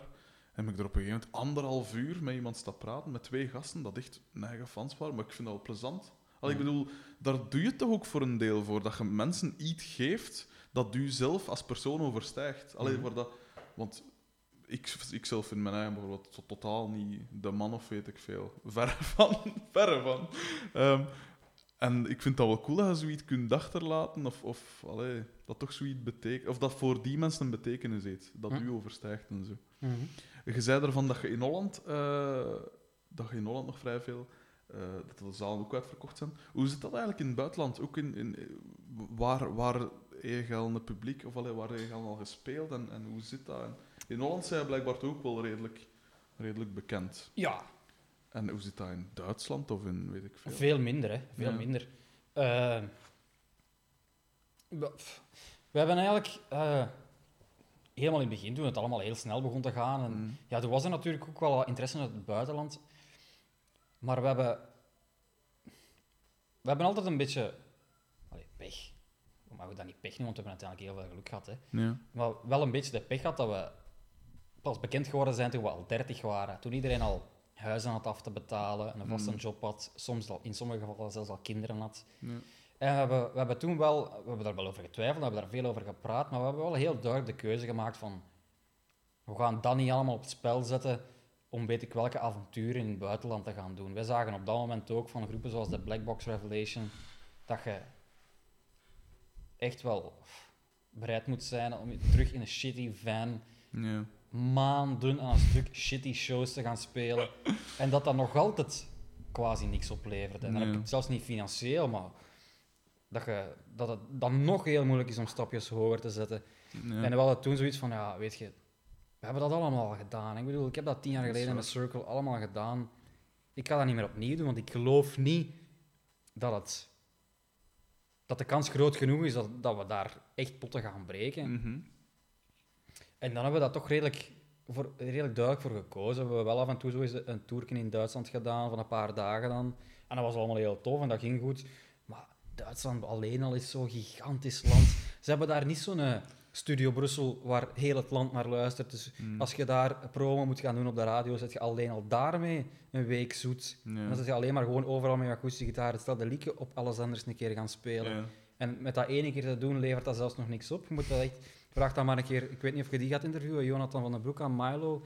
Eh, nog niet. Nog En niet. die had dan ook, tussen aanstekens, het geluk dat hij het soort muziek maakt dat je gemakkelijk in je eentje met één Ja, ja. gitaar kunt gaan doen. Inderdaad. Wij waren het soort band. Het is ofwel spelen wij heel de band, ofwel spelen we niet. Dus Ja. ik dacht, dat, dat lag allemaal veel moeilijker. En misschien waren we daar te down to earth in. Hè? Waar, Mm. was het, het dromen over, over world domination, zal ik maar zeggen, was voor ons allemaal al lang voorbij. Hè? We Mm. waren heel nuchter in en we hebben heel snel gezegd van... Mannen, laat ons proberen gewoon goede muziek te maken, Mm. Trouw publiek op te bouwen, dat we veel kunnen doen wat we heel graag doen, namelijk gaan optreden. Mm. En meer hoeft dat eigenlijk niet te zijn. Alles wat we daarbij krijgen is bonus. Ehm, zeg, en toen dat Ace dan wegging, hoe zei je dan uiteindelijk bij Jannik terechtgekomen? Want Jannik is ook veel jonger dan u. Is, Ja, is begin eh, twintig nu. Ongeveer de helft zo oud. Ja, voilà. Ehm, hoe zijn we daar? Ah ja, ik had op dat moment eh, tussen de, de tweede plaat van Customs en Mhm. de derde plaat van Customs heb ik een soloplaat gemaakt onder de naam August Albert. Inderdaad. Ook iets totaal anders. Mm. En dat was met een andere drummer die ik daar had leren kennen. Dat was ook een fantastisch goede drummer. En eh, ik heb eigenlijk aan hem gevraagd van ja, eh, voor, voor, voor Customs ik een nieuwe drummer nodig. Kende jij niemand niet? En hij heeft mij Jannik aangeraden. Niet, niet wilde jij bij ons komen spelen, kende nog iemand? Wat dat toch altijd een rare vraag is. Nee? Als dat nee, een op een of andere is. manier niet, omdat eh, dat zijn twee totaal verschillende drummers. Ja. En ik zou Jannik nooit vragen om drummer van August Albert te zijn. Ah, ja. En ik zou Steven nooit vragen om drummer van Customs te zijn. en, dat, en ik denk dat ze dat zelf ook maar al te goed begrijpen. Ah, oké. Want Eh, ja, voor hetzelfde geld. Denk je van, ja, maar waarom, waarom vraag je dat niet aan mij, bijvoorbeeld? Ja, dat zou een beetje hetzelfde zijn als dat je een flamenco-gitarist gaat vragen om bij Circle te spelen. Dat is, een, dat is een geniale muzikant, maar die, dat is niet wat zijn Ja, sterk ja. ding is. Ik vind dat iedereen altijd... Allee, ik ga... Moet, om een heel belachelijke uitdrukking te zeggen, ik ga mijn diepe spits toch niet als centrale verdediger eh, op het veld zetten. Dat zou toch niet zo slim zijn? dus allee, een beetje zo. Ik speel... oh, ik- vind Steven Hmm. geniaal drummer. Maar dat zou geen drummer voor customs zijn. Nee. En dus dan eh, heeft hij u op, eh, op Jannik gewezen. En waar kende hij hem dan? Want, Van de PHL, hè. ja, oké. Ehm, want dat is trouwens een hele goede drummer, hè. Ik heb er ooit nog mee in de finale van Tim van Amel. Tim van Amel heeft zo'n wedstrijd een keer gedaan samen met Absolute Vodka. Ja, Zo'n ja, soort ja, ja. bandwedstrijd. En daarmee stond ik toen in de finale met hem en, en onder andere Marieke van de Spectors bij de bassisten. Eh, er waren een paar heel goede muzikanten bij toen. En ik. Zou bescheiden ook niet zijn. Hè. ja, nee, toch. Ehm, eh, die derde plaat, ik, als ik me niet vergis, is Enter the Characters van 2009, ongeveer. Dacht Zou, ik, ja, dat zoiets. zal wel zoiets zijn. Hè. En dus op vrij korte tijd, een jaar of eh, vijf ongeveer, heeft eens drie platen gemaakt. En een soloplaats. En een soloplaat, voilà. Heb je nooit schrik dat de, dat, de, dat de vijver leeg gaat geraken? Allee, want ik ben, ik ben bijvoorbeeld een heel trage schrijver. En Hm. ik zeg het, ik ben natuurlijk niet de muzikant dat jij zet, qua niveau. Eh, maar maar eh, ja, dat is zo... zij- hoeveel, hoeveel schrijfde jij op een week? Hoe, hoeveel, hoe neig je daarmee bezig? Ja, ik ben er elke dag mee bezig. Als ik Ja. nu niet hier zou zitten, zou ik een verdieping hoger Ja, aan het schrijven zijn. Hm. Maar dat kan ook zijn dat ik echt een hele week zit aan te modderen en op het einde van de week echt niks heb. Ja, En de volgende week heb ik er misschien vijf, waarvan ik denk van daar zit, al, daar zit wel een toekomst in. Dus dat is echt totaal... Heel veel heeft denk ik te maken met wat dat er in u omgaat. Of, Mhm. of er veel voedingsbodem is. Hm. Als je niks te vertellen hebt, denk, denk ik dat... Allee, als ik niks te vertellen heb, dan denk ik dat ik beter niks maak, want dan Hm. vind ik het zelf ook allemaal veel minder goed. Ja. Eh, en je moet denk ik ook een, toch een... Muzikanten zijn, zijn verschrikkelijke, onzekere mensen die heel hard twijfelen aan wat ze zelf doen, ook al geven ze heel vaak de indruk juist niet. maar dus ik heb ook al gemerkt dat je, dat je dat niet moet doen op een dag dat je niet zo goed in je vel zit, Hm. want dan ga je automatisch alles slecht vinden wat dat je aan het doen bent. En dan gooi je ook dingen weg die je helemaal niet moet weggooien. Ja. Gewoon omdat je slecht denkt over je eigen en dus Ja. ook over alles wat je zelf maakt. Dus het is een heel moeilijk evenwicht van je moet wel gevoelens genoeg hebben om uit te putten, Hm. maar die mogen, ook, die mogen niet te negatief zijn ook niet, want dan gaat het automatisch weer slecht vinden. Ja. Dus ja, dus ik vind dat wel heel interessant om, dat, om daar elke keer... Want je leert heel veel over jezelf daarmee. Hè. Hm. Maar dat is ook niet altijd even leuk natuurlijk. nee, inderdaad. En begin je met tekst of begin je met muziek? Ik begin altijd met de muziek. En ehm, dat is bij mij bijvoorbeeld het probleem als gebrekkige songschrijver. Dat je, dat, ik- van als ik iets speel, of van als ik iets relatief normaal speel, want dat is de reden waarom ik nu heel rare ritmische patroontjes, dreunerige dingetjes in rare maatsoorten, gewoon om zo ver mogelijk weg te blijven van, ah, dit is al gedaan. Hm. En dat is, ik zou bij geen goede geen goeie popnummers eh, schrijven, omdat ik altijd denk, en ik luister ook naar veel te veel genres, ik zou dat altijd herkennen. Hm. Zelfs al kun je er zo nog alles van maken en met verschillende lagen dat je er bovenop ligt, maar ik zou altijd het gevoel hebben van, ah, dat is het akkoordenpatroon van, van dat Beatles-nummer, of van dat dingen, of ah, deze baspartij trekt wel heel neig op dit of dat. En eh, hoe ga jij daarmee om? Ik heb daar weinig tot geen probleem mee. Ik zal nooit bewust ergens iets pikken. Nee. En als, als ik iets tegenkom dat, dat, van mezelf, dat, dat blijkbaar toch... Want ik, ik doe dat gewoon ook af aan andere mensen. Ik probeer daar zo weinig mogelijk zelf Ja. over te oordelen. Maar als iemand anders mij zegt van, ja, het lijkt wel nog wel fel op dat, dan gaat het automatisch de vuilbak in. Dat Mm. wil ik ook niet. Maar ik vind wel dat ik... eh, de manier waarop mijn muzikaliteit in elkaar zit, is wel voor mij... Dat klinkt misschien heel pretentieus. Hm. Misschien vindt iemand anders dat helemaal niet. Dat mag. Voor mij eigen genoeg Hm. om dat te rechtvaardigen. Alles wat ik maak, en dat, dat, dat is het grootste compliment dat mensen mij geven. Ik heb nu bijvoorbeeld eh, ik weet niet of je dat programma kent, eh, De Schuur van Scheire. Eh, Een nieuw ik- programma op één, ja, met Lieven ik, ik Scheire. heb ervan gehoord, ja. Ik heb daar de muziek voor gemaakt, dus de generiek en de tussenmuziekjes en zo. Mhm. Iets totaal anders. Ja. Maar na één aflevering kreeg ik al mails van mensen die zeiden van, ah, ik had direct door dat het van u kwam. dus dat ik is ben wel heel... een compliment. Oh, wel, ja. ik vind dat echt een compliment. Eh, Zeker. Wat dat ik ook doe, in welke richting ik ga, mensen vinden altijd heel duidelijk dat ik dat ben, dat dat heel eigen is. Ja, ja. En dat rechtvaardigt voor mij een beetje dat ik me daar niet te veel vragen over moet stellen. Is het wel origineel genoeg? ja. Ik, ik ben niet het soort muzikant dat, dat de loop van de popmuziek gaat veranderen. Dat weet ik heel goed. Ja. Maar ik ben wel het soort muzikant dat, dat iets kan maken dat echt melodieus is. Ja. Voor mij is de melodie de zin van het leven, zal ik het zo zeggen. ja, cool. Als je, ik heb altijd vanaf het begin gezegd, als ik het niet kan nafluiten, vind ik het niet goed genoeg. en dat geldt zelfs voor een gitaarsolo. Hè. Ja, ja. Daarom was ik vroeger bijvoorbeeld zo fan van Brian May en daarna ook van Slash. Ja. Omdat dat he, die, die, zo'n gitaarsolo, die, die, die, die nam u mee op punt B en die bracht u naar punt C. Mm. En dat was niet gewoon die andere mannen die daar even een beetje blijven herhalen en die die er dan zoveel mogelijk woorden ja. proberen tussen te krijgen. Dat was een liedje op zich, bij wijze van spreken. Dat was zoals je in een, een apart hoofdstuk, zoals je in, in, een, in een klassiek stuk, bij wijze van spreken. Het was een essentieel onderdeel van het verhaal. En dat vind ik gewoon heel belangrijk. ja. De melodie. Ja, wel, wat dat je zegt is heel... Het is, het is dubbel, want langs de ene kant, ik ben heel... Zeker in mijn, mijn muziek nu ook, is, is eigenlijk anti-melodie. Dus eigenlijk gewoon een ritmische patroon en, en weinig... eh, een echte... Eigenlijk niks nafluitbaar. Ook al heb ik veel respect voor, voor popdingen. En een van mijn favoriete nummers is Oh What a Night van eh, Frankie Valli and the Four Seasons. Of, of Love Shack van de B-52's. Allemaal van die heel eh, herkenbare dingen. En ik heb daar veel eh, respect Heb je die voor. film van Frankie Valli al gezien? Nee, Wel- welke film is het? Ja, hoe heet hem nu weer? Er is, dat is een, bi- een biopic, dus Ja. echt. Hè? Ik heb die een tijd geleden op Telenet TV, kwam ik dat een keer tegen. Ik heb die gekeken, fantastisch cool. Ja. Lijkt me aan een musical, want al die nummers zitten daarin. Hè?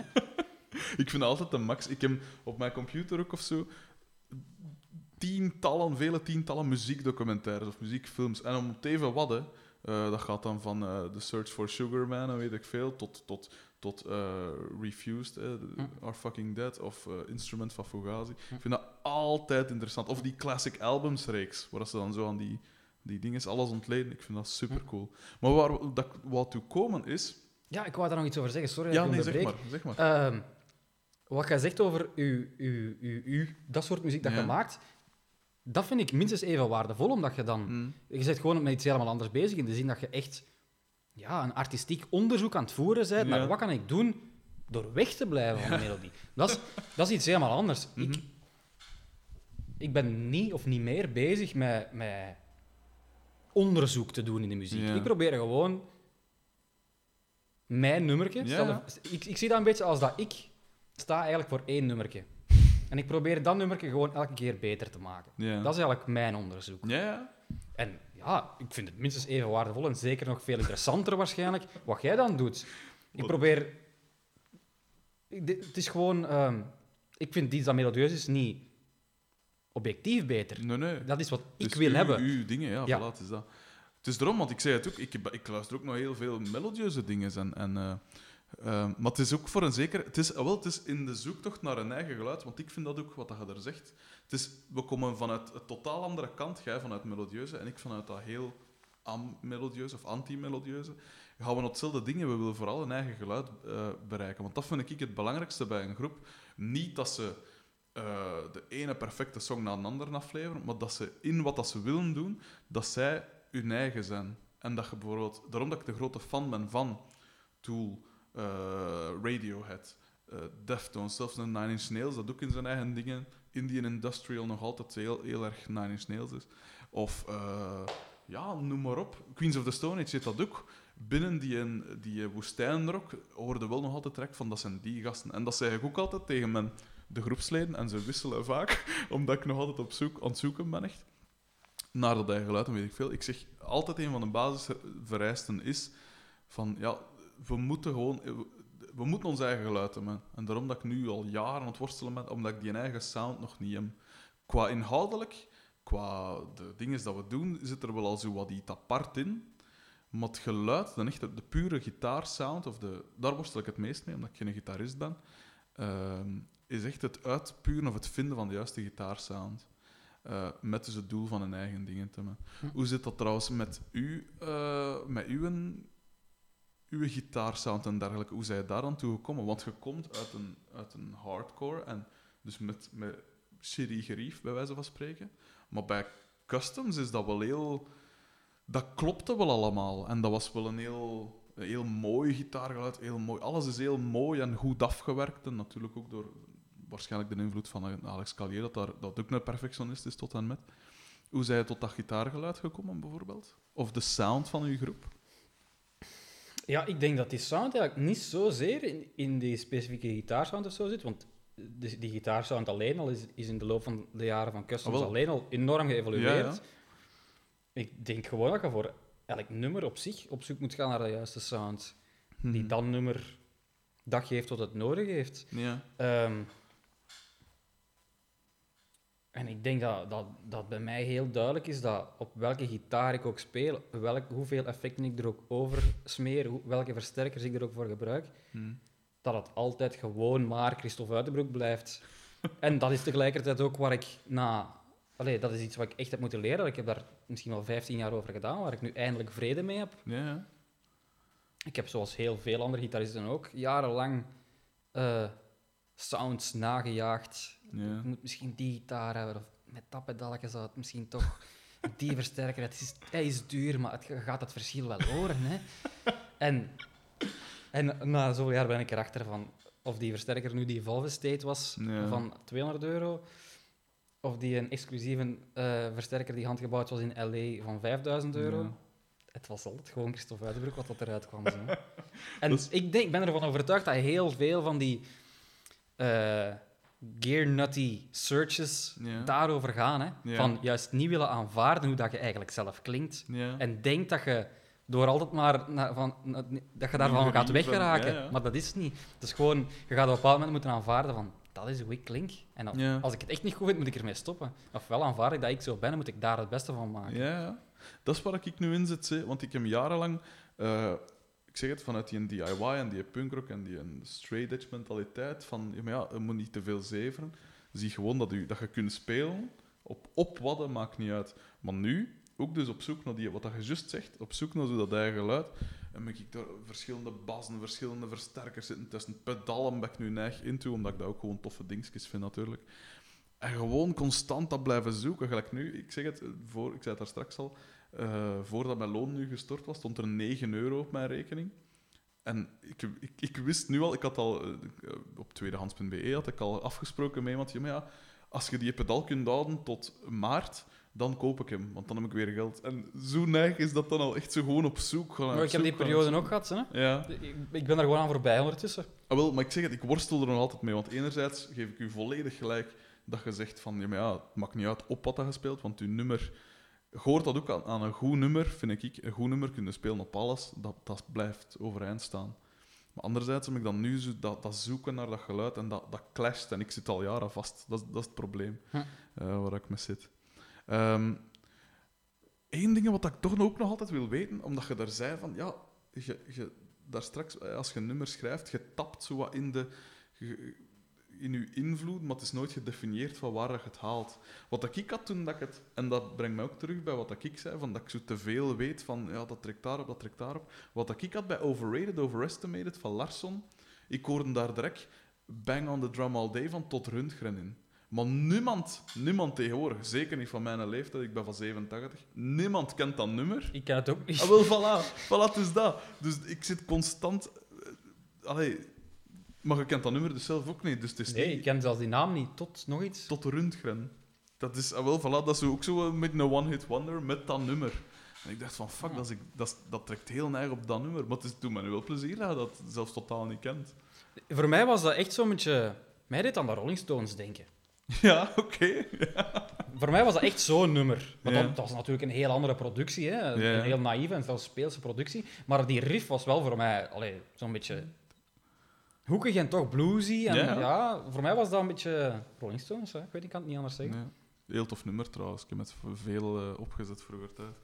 Ehm, waar was ik nu? Ah ja, dus met, met gerief en zo. Zei je dan, want je zegt, je bent totaal niet zo een, allee, bezig met dat geluid? Of alleen nooit. Niet meer, hè? Niet meer. Ah, wel, ik heb niet dat wel meer. ook eh, jaren, duizenden euro's aan door het venster gegooid.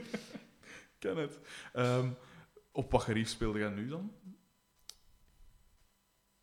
Het hangt ervan af voor wat het is natuurlijk. Want ja, eh, de muziek Ah, van... wel voor customs. voor- Ik ga straks nog tot dingen komen. Hè. Ik- voor zo- customs is dat... eh, ja, zelfs dat, dat... Hoe moet ik dat zeggen? Dat varieert zelfs doorheen een, eh, een eh, clubtournee van 20 shows in Nederland. Varieert dat zelfs van de ene dag op de andere. Echt? Ja, maar ik, ik wil... Ik speel beter als ik, als ik, als ik die gitaar staan en al goesting in heb. Ja. En ik kan echt hier middags om 12 uur vertrekken of naar het busje of zo en denken van, oh, die gitaar past minder over de sound, maar ik heb zoveel goesting om daar nog eens te spelen. en dan speel ik die avond beter. Ja. Dus ik heb die afwisseling ook wel nodig. Ik, hou- ik hou enorm van het instrument gitaar en ik heb er Mm. ook tien en die worden allemaal evenveel gebruikt eigenlijk. ja. Ehm, Maar je hebt dus niet echt een favoriet van je gitaren. goh, ik, heb wel, ik kan wel antwoorden op de vraag van stel dat je morgen bankroet gaat en je kunt er maar één overhouden, Ja. welke zou je houden? Dat kan ik wel. Welke Maar- is dat dan? Ik denk dat dat met een, eh, met een, eh, met een ES335 is, die eigenlijk... Ja, de kop is er al af geweest en eh, dat is eigenlijk, eigenlijk mijn minst chique gitaar en misschien zelfs mijn goedkoopste die ik ooit gekocht heb. Eh, van degene die ik nog overhoud tenminste. Ja. Maar op een of andere manier, ja... Rex is daarop gemaakt, uh, Overrated Overestimate is daarop gemaakt, Harlequin is daarop gemaakt. Allee, Cool. Quasi alles is daarop gemaakt eigenlijk. Ja. Dat is mijn gitaar echt. Die samen met mijn witte tele. Ja. Tussen die twee zou ik moeilijk kunnen kiezen, maar al de rest mogen ze morgen stelen, bij wijze van spreken. niet doen, niet Breng doen. niemand op ideeën, hè, ja, voilà. Eh, en van versterkers? Eh, ik heb een Marshall en een Fenderke. Heel basic dingen, meer niet meer. Cool. Ook daar heb ik, heb ik echt, heb ik echt alles geprobeerd en alles getest. Sommige dingen zelfs drie keer gehad. Ja. Dat ik toch dacht van, dat moet het toch zijn? Hoe komt het dan nu dat het dan niet is? Ik ga het toch nog eens niet Dat proberen. maar nee, pff, eh, ik heb een Fender voor de Fender-achtige sounds met een goede reverb op. En ik heb een hele basic, zo klein hand-wired Marshallke, dat hatje met een cabinet. Cool. Die twee dingen. En eh, tegenwoordig spelen wij zelfs live niet meer met cabinets. Hè? Jelle zei het. Dat is toch een enorme aanpassing? Allee, nee? Dat lijkt zo. Als je daarover praat, lijkt dat van oh, leuk. Maar als je Ja. de ene keer dat je aan toe zet... Ik heb dat tijdens de show nog nooit gedacht van... Wat verdomme. Ik, ik heb geen cabinet of wat? Ja. Nee, nog nooit. Allee, we spelen ook al op in-ears, dus dat maakt natuurlijk wel een groot Ah, ja, verschil. Hè? Ja. En zeker dan ja, maakt het echt niet meer uit, omdat een groep gaat in de zaal zoveel beter klinken als jij... Je, betaalt, je zoekt de beste geluidsman die je kunt vinden. Hm, Die, en ook die je kunt betalen. Je betaalt die keiveel geld per show. hm. En dan ga je die ze al, op voorhand eigenlijk al zorgen dat je nooit het onderste uit de kan gaan halen, omdat Nee. je op podium zoveel lawaai staat te maken waar hij geen controle over heeft. Ja, dat is wel juist. Dus dat is eigenlijk na een tijd... Dat is, dat is volwassen worden ook natuurlijk. Hè. Je wordt Mhm. ouder, we zijn oude zakken. Hè. Ik word 36. Hè. en dat is wel de leeftijd waarop je beseft van... Deze is echt te belachelijk voor woorden. Hoe stoer dat, dat ook is. Alleen andere gitaristen vinden dat stoer. Die mensen die over je muziek komen, hebben daar nul boodschap aan. Dat is wel dat je bij hebt. Dat is wel juist. En wij... Ja, En gemakkelijk in de bus kunnen ook. Dat ook al. mo- Moet ik moest bijna niks meer meenemen. Ja. Verder makkelijk. En, maar, eh, allee, kom je daar alleen mee weg als je met in-ear speelt? Allee, ik, ik, ik probeer nu zelf ook... Ja. Allee, Want anders moet je dat allemaal ik- uit die monitors gaan vragen. En Ja. dan maak je, dan maakt, in plaats van het geluid achter u te maken, maakt het dan voor u. ja. Dat blaast ook in die micro's allemaal. Dus dat, heeft echt geen ja. zin. Ah ja. Ik zou dat- het niet doen, moesten we niet met in-ear spelen, nee. Kost dat veel in-ears? Tegenwoordig al niet meer, hè. Eh, dan wordt allemaal goedkoper, hè. Zoals alles. Ehm, ja, als je... De, de oortjes zelf, als je die op maat wilt laten maken, zijn die duurder. Je kunt ook van die, van die standaard dingetjes kopen die je in je oren duwt. ja. Onze bassist speelt daar ook al een hele tijd mee. Dat is eigenlijk, uiteindelijk is dat even goed. Jawel, Dus je maakt dat zo duur dat je dat zelf wilt Ja. maken, denk ik. Mijn drummer bij Motex speelde daar ook mee, met in-ears. En dat lijkt me inderdaad wel gemakkelijk. Ehm Ik heb dat vooral voor mijn oren gedaan. Zo. jawel. Ik, heb, ik merk dat ik zelf aan mijn linkeroor ook al een beetje eh, dat achteruit aan het gaan is.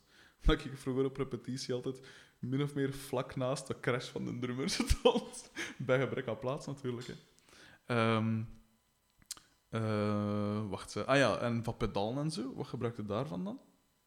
Eh, een chorus, een flanger, eh, een delay. Ja. Ehm, En zijn dat dan van die boutique-pedalen of maakt dat totaal niet uit? die zijn hier allemaal gepasseerd, maar die zijn allemaal weer weg. Hetzelfde.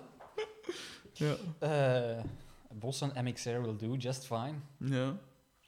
ja dat is goed gegeven, ja. En ehm, ja, de die laatste, derde plaats natuurlijk weer helemaal anders. Daar komt dan een auto wa bij en zo. Daar is Ja. de chorus dan weer weg. Eh, ja. ja, het, het evolueert heel veel. Ehm, ik vind dat juist ook het leuke, om iedere keer opnieuw op zoek te gaan naar iets anders. En dan Mhm. geeft je dan ook weer het excuus om weer een keer een nieuw pedaaltje te kopen natuurlijk. Ja. Dat blijft leuk. Ik, ik vind pedaaltjes nog altijd leuk, hè. daar gaat Het niet over. ja. Ik ben alleen van het idee afgestapt dat een pedaaltje van 300 euro Ja. dat gemaakt wordt door een of andere nerd die daar graag een, een wachtlijst voor aanlegt, dat dat beter zou zijn dan eentje van 80 euro dat in Japan Ja. gemaakt wordt. Hm. Dus ehm, En hoe, op een gegeven moment heb je dan beslist van, kom, customs, ik heb nog iets anders nodig, of ik, wil, ik, heb, of ik heb nog een paar nummers dat misschien niet passen bij customs. Is, is dat de reden waarom dat je met, met je solo-project begonnen bent? Dat je, dat je dacht van, ik heb goede dingen, maar ze passen niet bij customs, en ik wil ze toch brengen. eh, ja, ja, ik denk dat dat er dichtbij zit. Ik denk dat ik gewoon iemand ben die heel veel verschillende dingen wil geprobeerd hebben. Een beetje wat ik daar straks al zei. Hè. Ik, Hm. ik maak niet zozeer een plaat of een nummer met de bedoeling om met dat nummer weet niet wat te gaan doen. Ja. Ik werk vooral een beetje zoals een schrijver aan een, tussen aanhalingstekens, om een belachelijk woord te gebruiken, uiveren. Ja. Ik wil vooral de dag dat ik stop kunnen zeggen van, dat heb ik allemaal gedaan. Ja. Dat is allemaal anders. En ik ben- sommige dingen waren beter dan andere, uiteraard. Maar ik, heb dat, ik wou dat allemaal doen en ik heb, ik heb dat allemaal alleen gedaan. Ik heb dat allemaal gemaakt. Ja? Daar, daar ben ik heel hard mee bezig op een of andere manier. Dat is heel raar. Ja. Wat dat betreft denk ik dat ik meer pas bij literatuur, schrijvers, romanschrijvers dan bij muzikanten. Ja. Ik ben altijd bezig met dingen maken. Ehm Jelle en ik hebben zo, zijn eigenlijk zo min of meer gelijktijdig zo de interesse gekregen voor toetsinstrumenten, waar Ja. we alle twee niet konden spelen. Hm. En dan, ieder op ons eigen, waren wij daar dan mee bezig. En dan merkte je heel, direct merkte je wat verschil tussen mij en Jelle was. Jelle was bezig met dat zo goed mogelijk leren spelen. en ik was bezig met daar zo snel mogelijk een lied mee te maken. Hm. Ik, was nooit ik ben nooit geïnteresseerd, maar kijk eens hoe goed ik dat kan spelen. Ja. Ik dus zo... Oh, oh, dat klinkt goed. Doe dat nog eens. Oh ja. Als ik daar nu zoiets... Ah ja, oké. Direct naar boven, opnemen. Zo zit ik in elkaar. Ik ben nooit geïnteresseerd in iets zo goed mogelijk beheersen. Ik wil altijd iets maken. Ik wil Ja. een- s morgens een leeg blad en s'avonds staat daar iets op dat kan iemand anders kan tonen. Dat, Zeker. is, dat Ja. is wat ik doe. Cool. Je zei er al van eh, literatuur en, en, en, en kunst en dergelijke. Eh, haalde voor uw teksten, waar haalde uw inspiratie vandaan? Is dat uit dagelijkse gebeurtenissen? Allee, voor een deel uiteraard, want daar kun je niet omheen. Maar in hoeverre is bijvoorbeeld een invloed van films of boeken, of is, is die groot?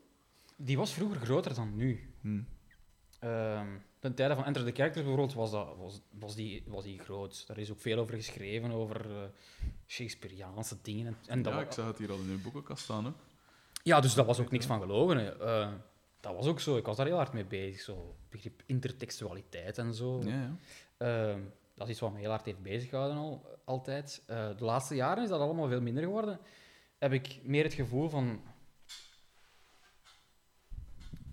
Uw muziek is meer waard als het ook echt iets persoonlijk over jezelf vertelt. Als je je erin uitkleedt, als je je durft helemaal blootgeven.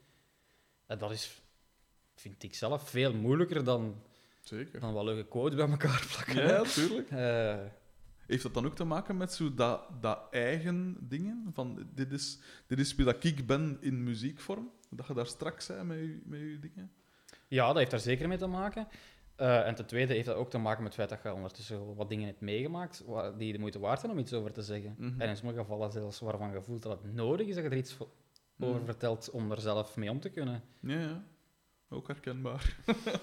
Mijn eerste nummer dat ik ooit geschreven heb, of mijn eerste tekst voor een nummer dat ik ooit geschreven heb, ging over, eh, ging over mijn va. En ik merk dat ook bij mijn eerste demo. Mijn va is gestorven toen ik tien was. Ik heb dat zien gebeuren ook. En ik had eh, de eerste... Nee, het zijn niet de eerste twee, maar het eerste en ik denk het vierde nummer of zo dat ik geschreven heb, gingen over mijn va. En je merkt dat inderdaad van, ja, op, op een of andere reden, om een of andere manier, eh, om een of andere reden of op een of andere manier, ontsnapt je daar ook niet aan. Een keer dat je zegt van ik ga een nummer maken en oké, waar gaat het over gaan? Je hebt je geluid, je hebt je sfeer van je nummer min of meer. En dan komt dat zo automatisch. Mhm. Heb je dat gevoel ook? Of, of moet je er echt wel wat op werken? Zo van, Ik wat- werk wat- daarop omdat ik... ja, omdat, ja, ik ben echt wel een literatuurman ook. Mhm. Eh, ik heb ook in die richting gestudeerd en zo. Ik werk daarop in de zin van dat ik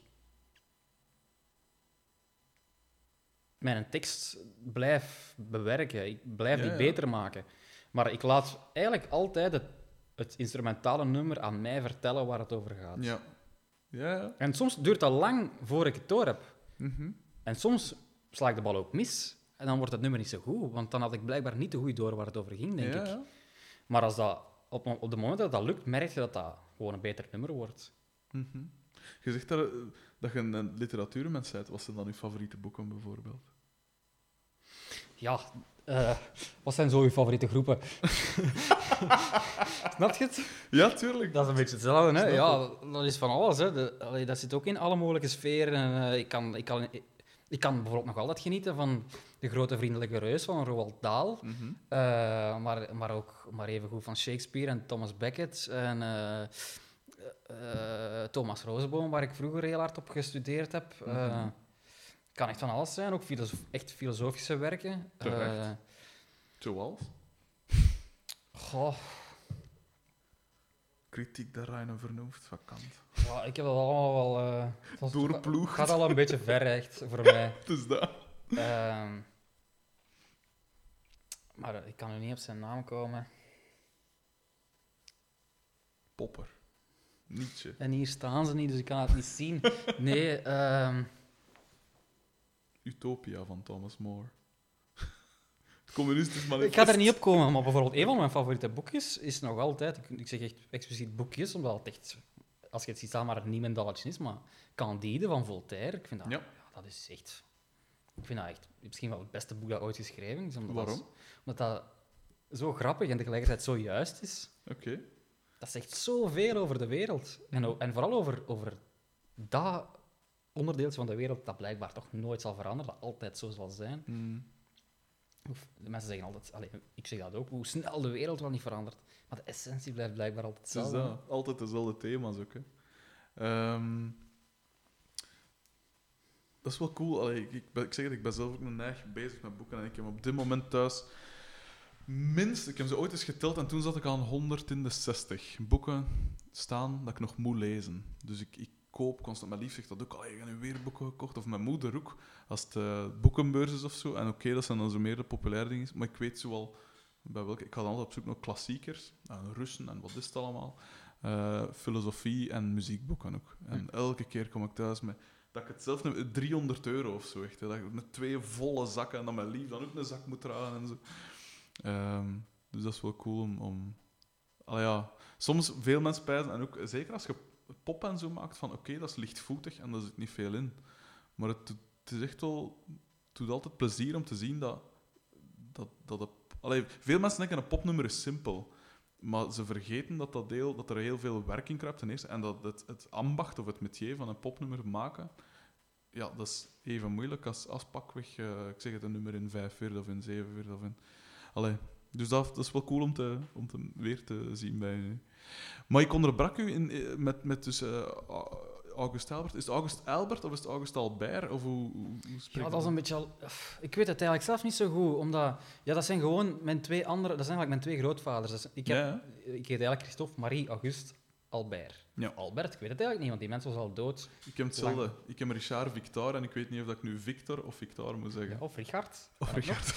Eh, dus allee, ik weet het niet. Mensen mogen van mij ook zeggen wat ze willen. En ik ben, allee, ik ben ook niet zo blij met die naam. Nee. Ik had, zoals, ik ben jaloers op al die eh, muzikanten die.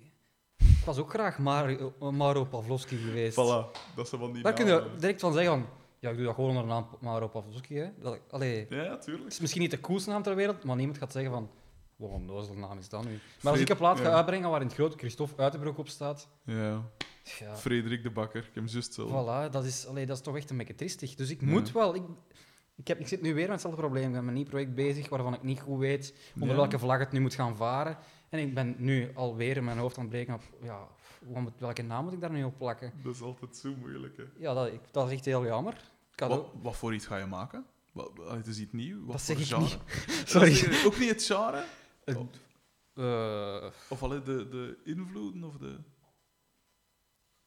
ik weet niet wat voor genre dat is eigenlijk. Het is wel weer iets dat ik nog nooit heb gedaan. Dus het is weer zo duidelijk de behoefte van... eh, ik wil eens daarmee aan de slag gaan. Iets, iets, iets wat ik nog nooit heb gedaan. Veel synthesizers, beats zelf maken, Cool. samples. Eh, dus het is, het is weer iets helemaal anders. Maar ehm, genre, ik weet niet. eh, ik denk ik denk dat er... Dat er er zal heel snel iemand anders zijn die gaat zeggen van het is dat genre. Ja. Dus die zal mij daar wel mee helpen. Dan. Ik weet het niet, niet zo goed. Ja. Ik weet ook nog niet of het, of het effectief is geworden. Ik ben daar Oh, maar ja. dag, dag in dag uit mee aan, aan aan het werken. Maar ik ben wel, zoals ik al zei, wel aan het afvragen van ja, welke naam moet ik dan nu weer gaan geven? Want ja, onder de naam August Albert past deze dan ook weer niet, omdat dat, die, heb, die naam heb ik toen gekomen, gekozen omdat die eh, al even ouderwets klonk als de plaat zelf. Daarom past dat. dat. Maar bij dat ding dat ik nu aan het maken ben, past dat weer helemaal Mm. niet. Dus ja, misschien moet ik een officiële naamsverandering overwegen. dat ik wel kan zeggen van ja, dat is gewoon mijn naam. Maar Uh-huh. dat is ook belachelijk. Hè? Wat zijn... eh, ik spring van tijd van nak op een dak, hè, maar daar ze iets zeiden van... eh, als, ze, als ik als ze morgen mij vragen van kies de één gitaar... eh, Als we diezelfde vraag stellen over platen of over een boek... Allee, een boek heb je nu al min of meer beantwoord, hè, die, die. Maar hoe zou dat, wat zou dat zijn met een plaat? Wat is je favoriete plaat? Of de plaat dat je wilt houden?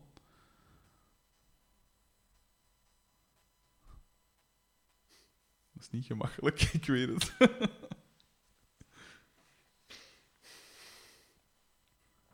Ik probeer mij nu echt in te leven in de situatie dat er iemand staat met een geweer tegen mijn kop en zegt je mag er maar één houden, dan schiet ik je kop eraf. Dan zou ik misschien antwoorden op die vraag. Ja. En dan denk ik dat ik... ehm, Misschien Please Please Me van de Beatles.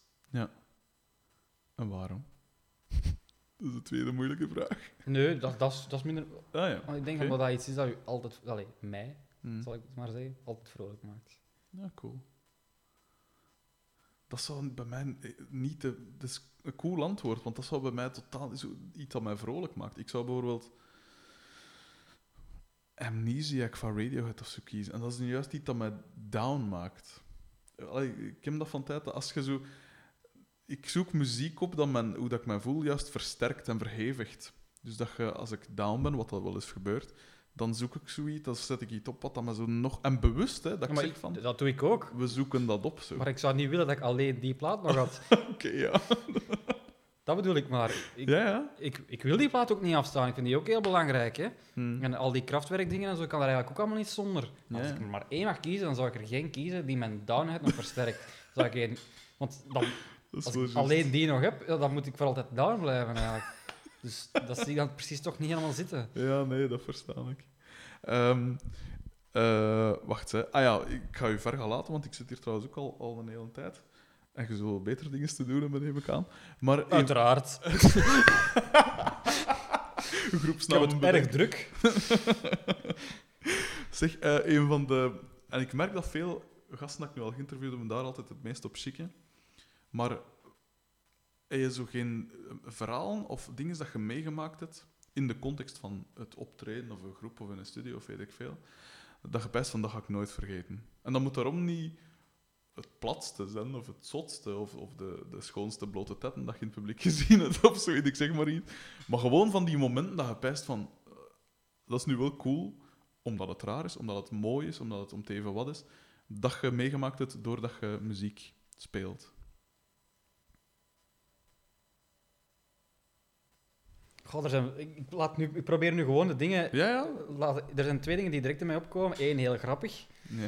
Namelijk toen we... eh, in de beginperiode van Custom Zicht, Hmm. eh, dat we in Amsterdam een showcase deden voor VPRO. Dus iets dat live ging gestreamd worden op een website en daarna ook daar bleef bestaan. Mhm. En dat was echt het, het moment waarop mensen Customs alleen maar kenden als zijn de, de groep van Rex. Mhm.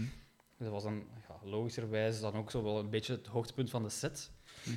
En eh, we beginnen te spelen, intro, eh, die break komt en ik moet dat eerste zinnetje zingen. En dat komt niet. Eh, maar dat, ja, dat is, al- dat is, we hebben dat dus ook op dvd. En iedere keer als we zelf eens heel hard willen lachen in het busje, dan zetten we dat opnieuw op. Gewoon die minuut. Schitterend. Want je ziet mij zo echt... zo- en zo, zo cool mogelijk doet. En gelukkig kwam het tweede zinnetje wel terug. Ja. Maar dat was, allee, dat is echt, ik vind dat nog altijd een van de belangrijkste dingen dat ik in mijn leven ooit Ja. heb meegemaakt. Het enige zinnetje dat iedereen van ons kent, How is Denmark, wist Ja. ik zelf niet. Dus dat is een van de anekdotes. En het tweede, eh, iets waar ik heel erg door geroerd was, eh, Mhm. dat was een koppel. En die kwamen uit, ik denk Lausanne, Mhm. helemaal naar een of ander klein clubje in Nederland om ons te zien. Dat is wel Die hadden echt daar speciaal een weekend voor geboekt. En dat was, dat was niet in Amsterdam, zo. dat was geen stad waar die Nee. nog op bezoek konden gaan of zo. Die kwamen daar echt naar het hol van Pluto uit Lausanne, denk ik dat het was, alleen maar om customs te zien. Want die kenden die plaat en die hadden die op internet gekocht en die luisterden daarnaar. En in, in hun ogen, die, die dachten echt, ja, dat is, dat, is, dat is altijd het nadeel in uw eigen land. Hè. Ja. Mensen weten veel te veel over u en, en je staat daar te dichtbij, waardoor die u Mystiek en zo. wow. ja, de mystiek gaat helemaal verloren. Ja. Iemand in het buitenland, dat, dat merkten we echt. Die dachten echt dat wij wereldberoemd waren. Hè? Dat wij een van de grootste bands van het moment ter wereld waren. Hè? Mm. Die Ja. kwamen helemaal naar hier. Ons, dat was, daar, allee. die zijn ondertussen, dat is niet één keer gebeurd. Hè? Ik bedoel, ik ken die mensen ondertussen persoonlijk, die doen dat regelmatig. Cool. Dus eh, ja, dat, was, dat is iets wat ook direct in mij opkomt. Mm. Dus enerzijds het totaal futiele grappige en het warm menselijke. Ja. Die twee dingen samen is, is misschien wel de essentie van samen in een groep zitten, denk ik. Vinden, dat is, ik ga er nu even op, op door, omdat ehm, dat lijkt me het lastigst aan, eh, aan- bekend zijn ook. Dat je, dus enerzijds, je wil dat mooie van dus mensen dat speciaal van heel ver af komen om u te zien en met u een keer een klap kunt doen of weet ik veel. Maar anderzijds heeft dat ook zo wel een beangstigende kant. Je pijst van, hmm, die is dat precies wel iets te neig mee in. Al ik ken het van tijd van die mensen. Zelfs ik heb dat al meegemaakt met mensen, die groepen van vroeger. Dat je plots eh, iemand voegt u toe, op MSN was dat toen nog, met een e-mailadres waar dat uw groepsnaam in staat. En dat je zo pijst van, oh, die gaan misschien toch een beetje te... Dit is te hevig zo. Ik ben blijkbaar niet het soort, mensen, het soort, soort zanger of, of muzikant dat dat soort mensen aantrekt. Ja. Ik heb dat niet. We hebben wel vroeger met Circle meegemaakt dat we een, een brief, e-mail was toen helemaal nog niet ingeburgerd, een brief kregen van iemand die zei eh, dat hem geen zelfmoord had gepleegd omdat hij ons plaat had gekregen. Ja. En toen had ik echt wel zoiets van, ja, dat soort verantwoordelijkheid wil ik niet dragen. Hè. Ja. pla- geld was die plaat kei slecht geweest, dan had je dat wel gedaan. Of wat. Ja, ja. Dus, allee, dat vond ik een beetje vies. Maar met customs maken we dat niet mee. Ja. Ik denk dat ik het soort afstandelijkheid uitstraal, dat... dat of ik dat nu wil of niet, mensen voelen zich niet echt geneigd om mijn nieuwe beste vriend te worden. Oké. Zijn er nog dingen waar dat opkomt? Of allee, van die anekdotes of zo? Dat je Eh, nog... eh, nee, ja, ik ben nu al, we zijn al niet over iets heel anders bezig, dus ik was er niet meer over nadenken. oké. Nee, dat zijn de twee. Dat is, dat is wel heel. Allee, daar is totaal niet over nagedacht. Dat was heel eerlijk en spontaan. De eerste twee dingen die in mij Ja. opkwamen. Ehm, Ja, je moet je niet forceren zo, als, het- als het eh, te diep graven is. nee, nee. eh, maar de, er zijn. Dat is het lastige al. Er zijn heel veel van die herinneringen. Mm. Maar heel vaak heb je zo'n pingpongspel nodig samen met een paar anderen. Van de ene zegt iets en dan zo. Ah ja, weet je nog? Als je dat helemaal alleen moet doen, lukt dat meestal niet. Hij is, Zo. er nooit op een groot festival, want je hebt er ondertussen al heel veel gedaan, dat je zo iemand tegenkomt van... Al zo'n tegenvallende bekende muzikant of zo. Of iemand dat juist heel goed meeviel, dat je dacht van, oh... Die is een... De meeste. eh, ik heb eigenlijk weinig tot geen slechte ervaringen. hmm, Bijna iedereen. Van, dan heb ik het over de grote, hè. Ja. De, ik, mijn ervaring is dat de, de lastige klanten en de niet zo sympathieke mensen, dat zijn nooit de grote op een of andere manier. Het zijn al die, misschien de mensen die graag groot waren geweest en daarover Ja. gefrustreerd zijn of zo, dat weet ik niet. Maar eh, ik, heb nooit, ik heb eigenlijk nooit tegenvallende ervaringen gehad. Ja. Ehm, we hebben met, met Circle bijvoorbeeld het geluk gehad om eh, twee keer om, om met, de, met At The Drive-In op te treden. Supergroep. Eh, Supergroep. ik heb, we hebben opgetreden met ehm, toen de International Noise Conspiracy pas bestond, dus Ja. met de zanger van, De zanger eh, van Refused en zo. Dus allee, eh, ik heb altijd mijn helden wel ontmoet. Ik heb Mike Patton ontmoet. Ja. en ik heb... Ik ga daar nooit naar op zoek. Ik vraag daar ook niet voor om die mensen te ontmoeten. Want ik hoor veel, inderdaad veel verhalen dat dat soms heel hard tegen. Ik ben daar niet in geïnteresseerd. Ehm, maar de keer dat dat is gebeurd, is mij dat nooit tegengevallen eigenlijk. Nee. Hmm. De laatste vraag dan, en daarna had ik u echt definitief gerust. Ehm, van alle nummers dat je nu gemaakt hebt, is er één nummer dat je... Want het zijn natuurlijk allemaal uw kindjes, hè? dat is eigen aan, aan een muzikant. Maar is er één nummer dat je denkt van... Dat is mijn beste, of dat is het, het belangrijkste, of... Zo één dat ietsken er toch wat bovenuit steekt. Voor mezelf dan. Hè? Voor uzelf, ja. Want anders moet ik natuurlijk rechts antwoorden. Jawel, Hè? Ja. ja. Misschien is het Rex, hè? Misschien is het dat wel, ja. Ja.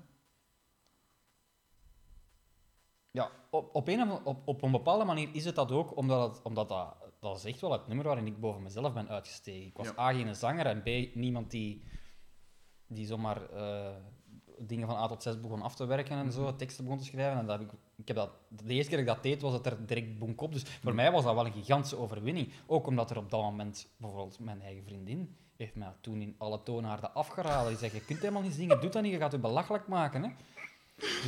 Arme. Nee, nee, dat was, allee, dat was eigenlijk heel lief bedoeld van haar. Die, Oh, heeft ja. me dat echt, die wou me daarvoor die wou me dat besparen. Ja.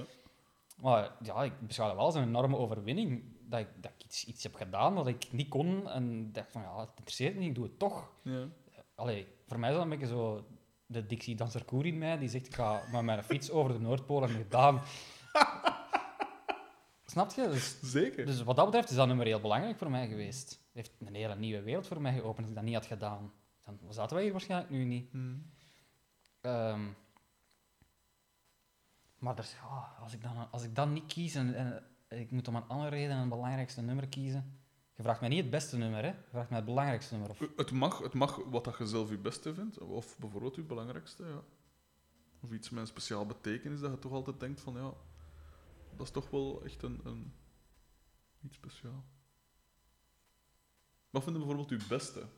De- Allee, qua song en weet ik veel, of... of wat ik vond, eigenlijk eerlijk gezegd, echt. ehm, de, de, de eerste single van, eh, van, de, van de laatste plaat, die een Hole in the Market. Mhm. Ik vond dat songgewijs misschien wel het beste nummer dat ik al had gemaakt. Mhm. Maar dat heeft, ja... Dat, niet iedereen was het daar met mij eens. Zo dus ik begrijp die mechaniek ook niet altijd. Waarom, waarom is het een wel eh, beter dan het ander? Ehm, voor mij was dat, zo, was dat wel zo eh, een, een heel gelijkaardig aan Rex. Zo'n nummer waar zo geen spel tussen te krijgen is. Zo dat, dat klopt vanaf de allereerste seconde tot de allerlaatste. Daar zit niks te veel in. Dat is uitgepuurd. Alles zit op de juiste plaats. Mhm. Dat nummer heeft dat ook heel veel voor mij. Dus daarom, ik dacht echt wel dat we daarmee weer zo... Dat dat, weer, dat, dat het begin van hoofdstuk zoveel ging zijn. En dat, dat was niet. Ehm, maar ik vind bijvoorbeeld ook eh, op, op eh, de plaats van August Albert in Elephant, Mhm. dat heel trage, sferische nummer dat daarop staat, Mhm.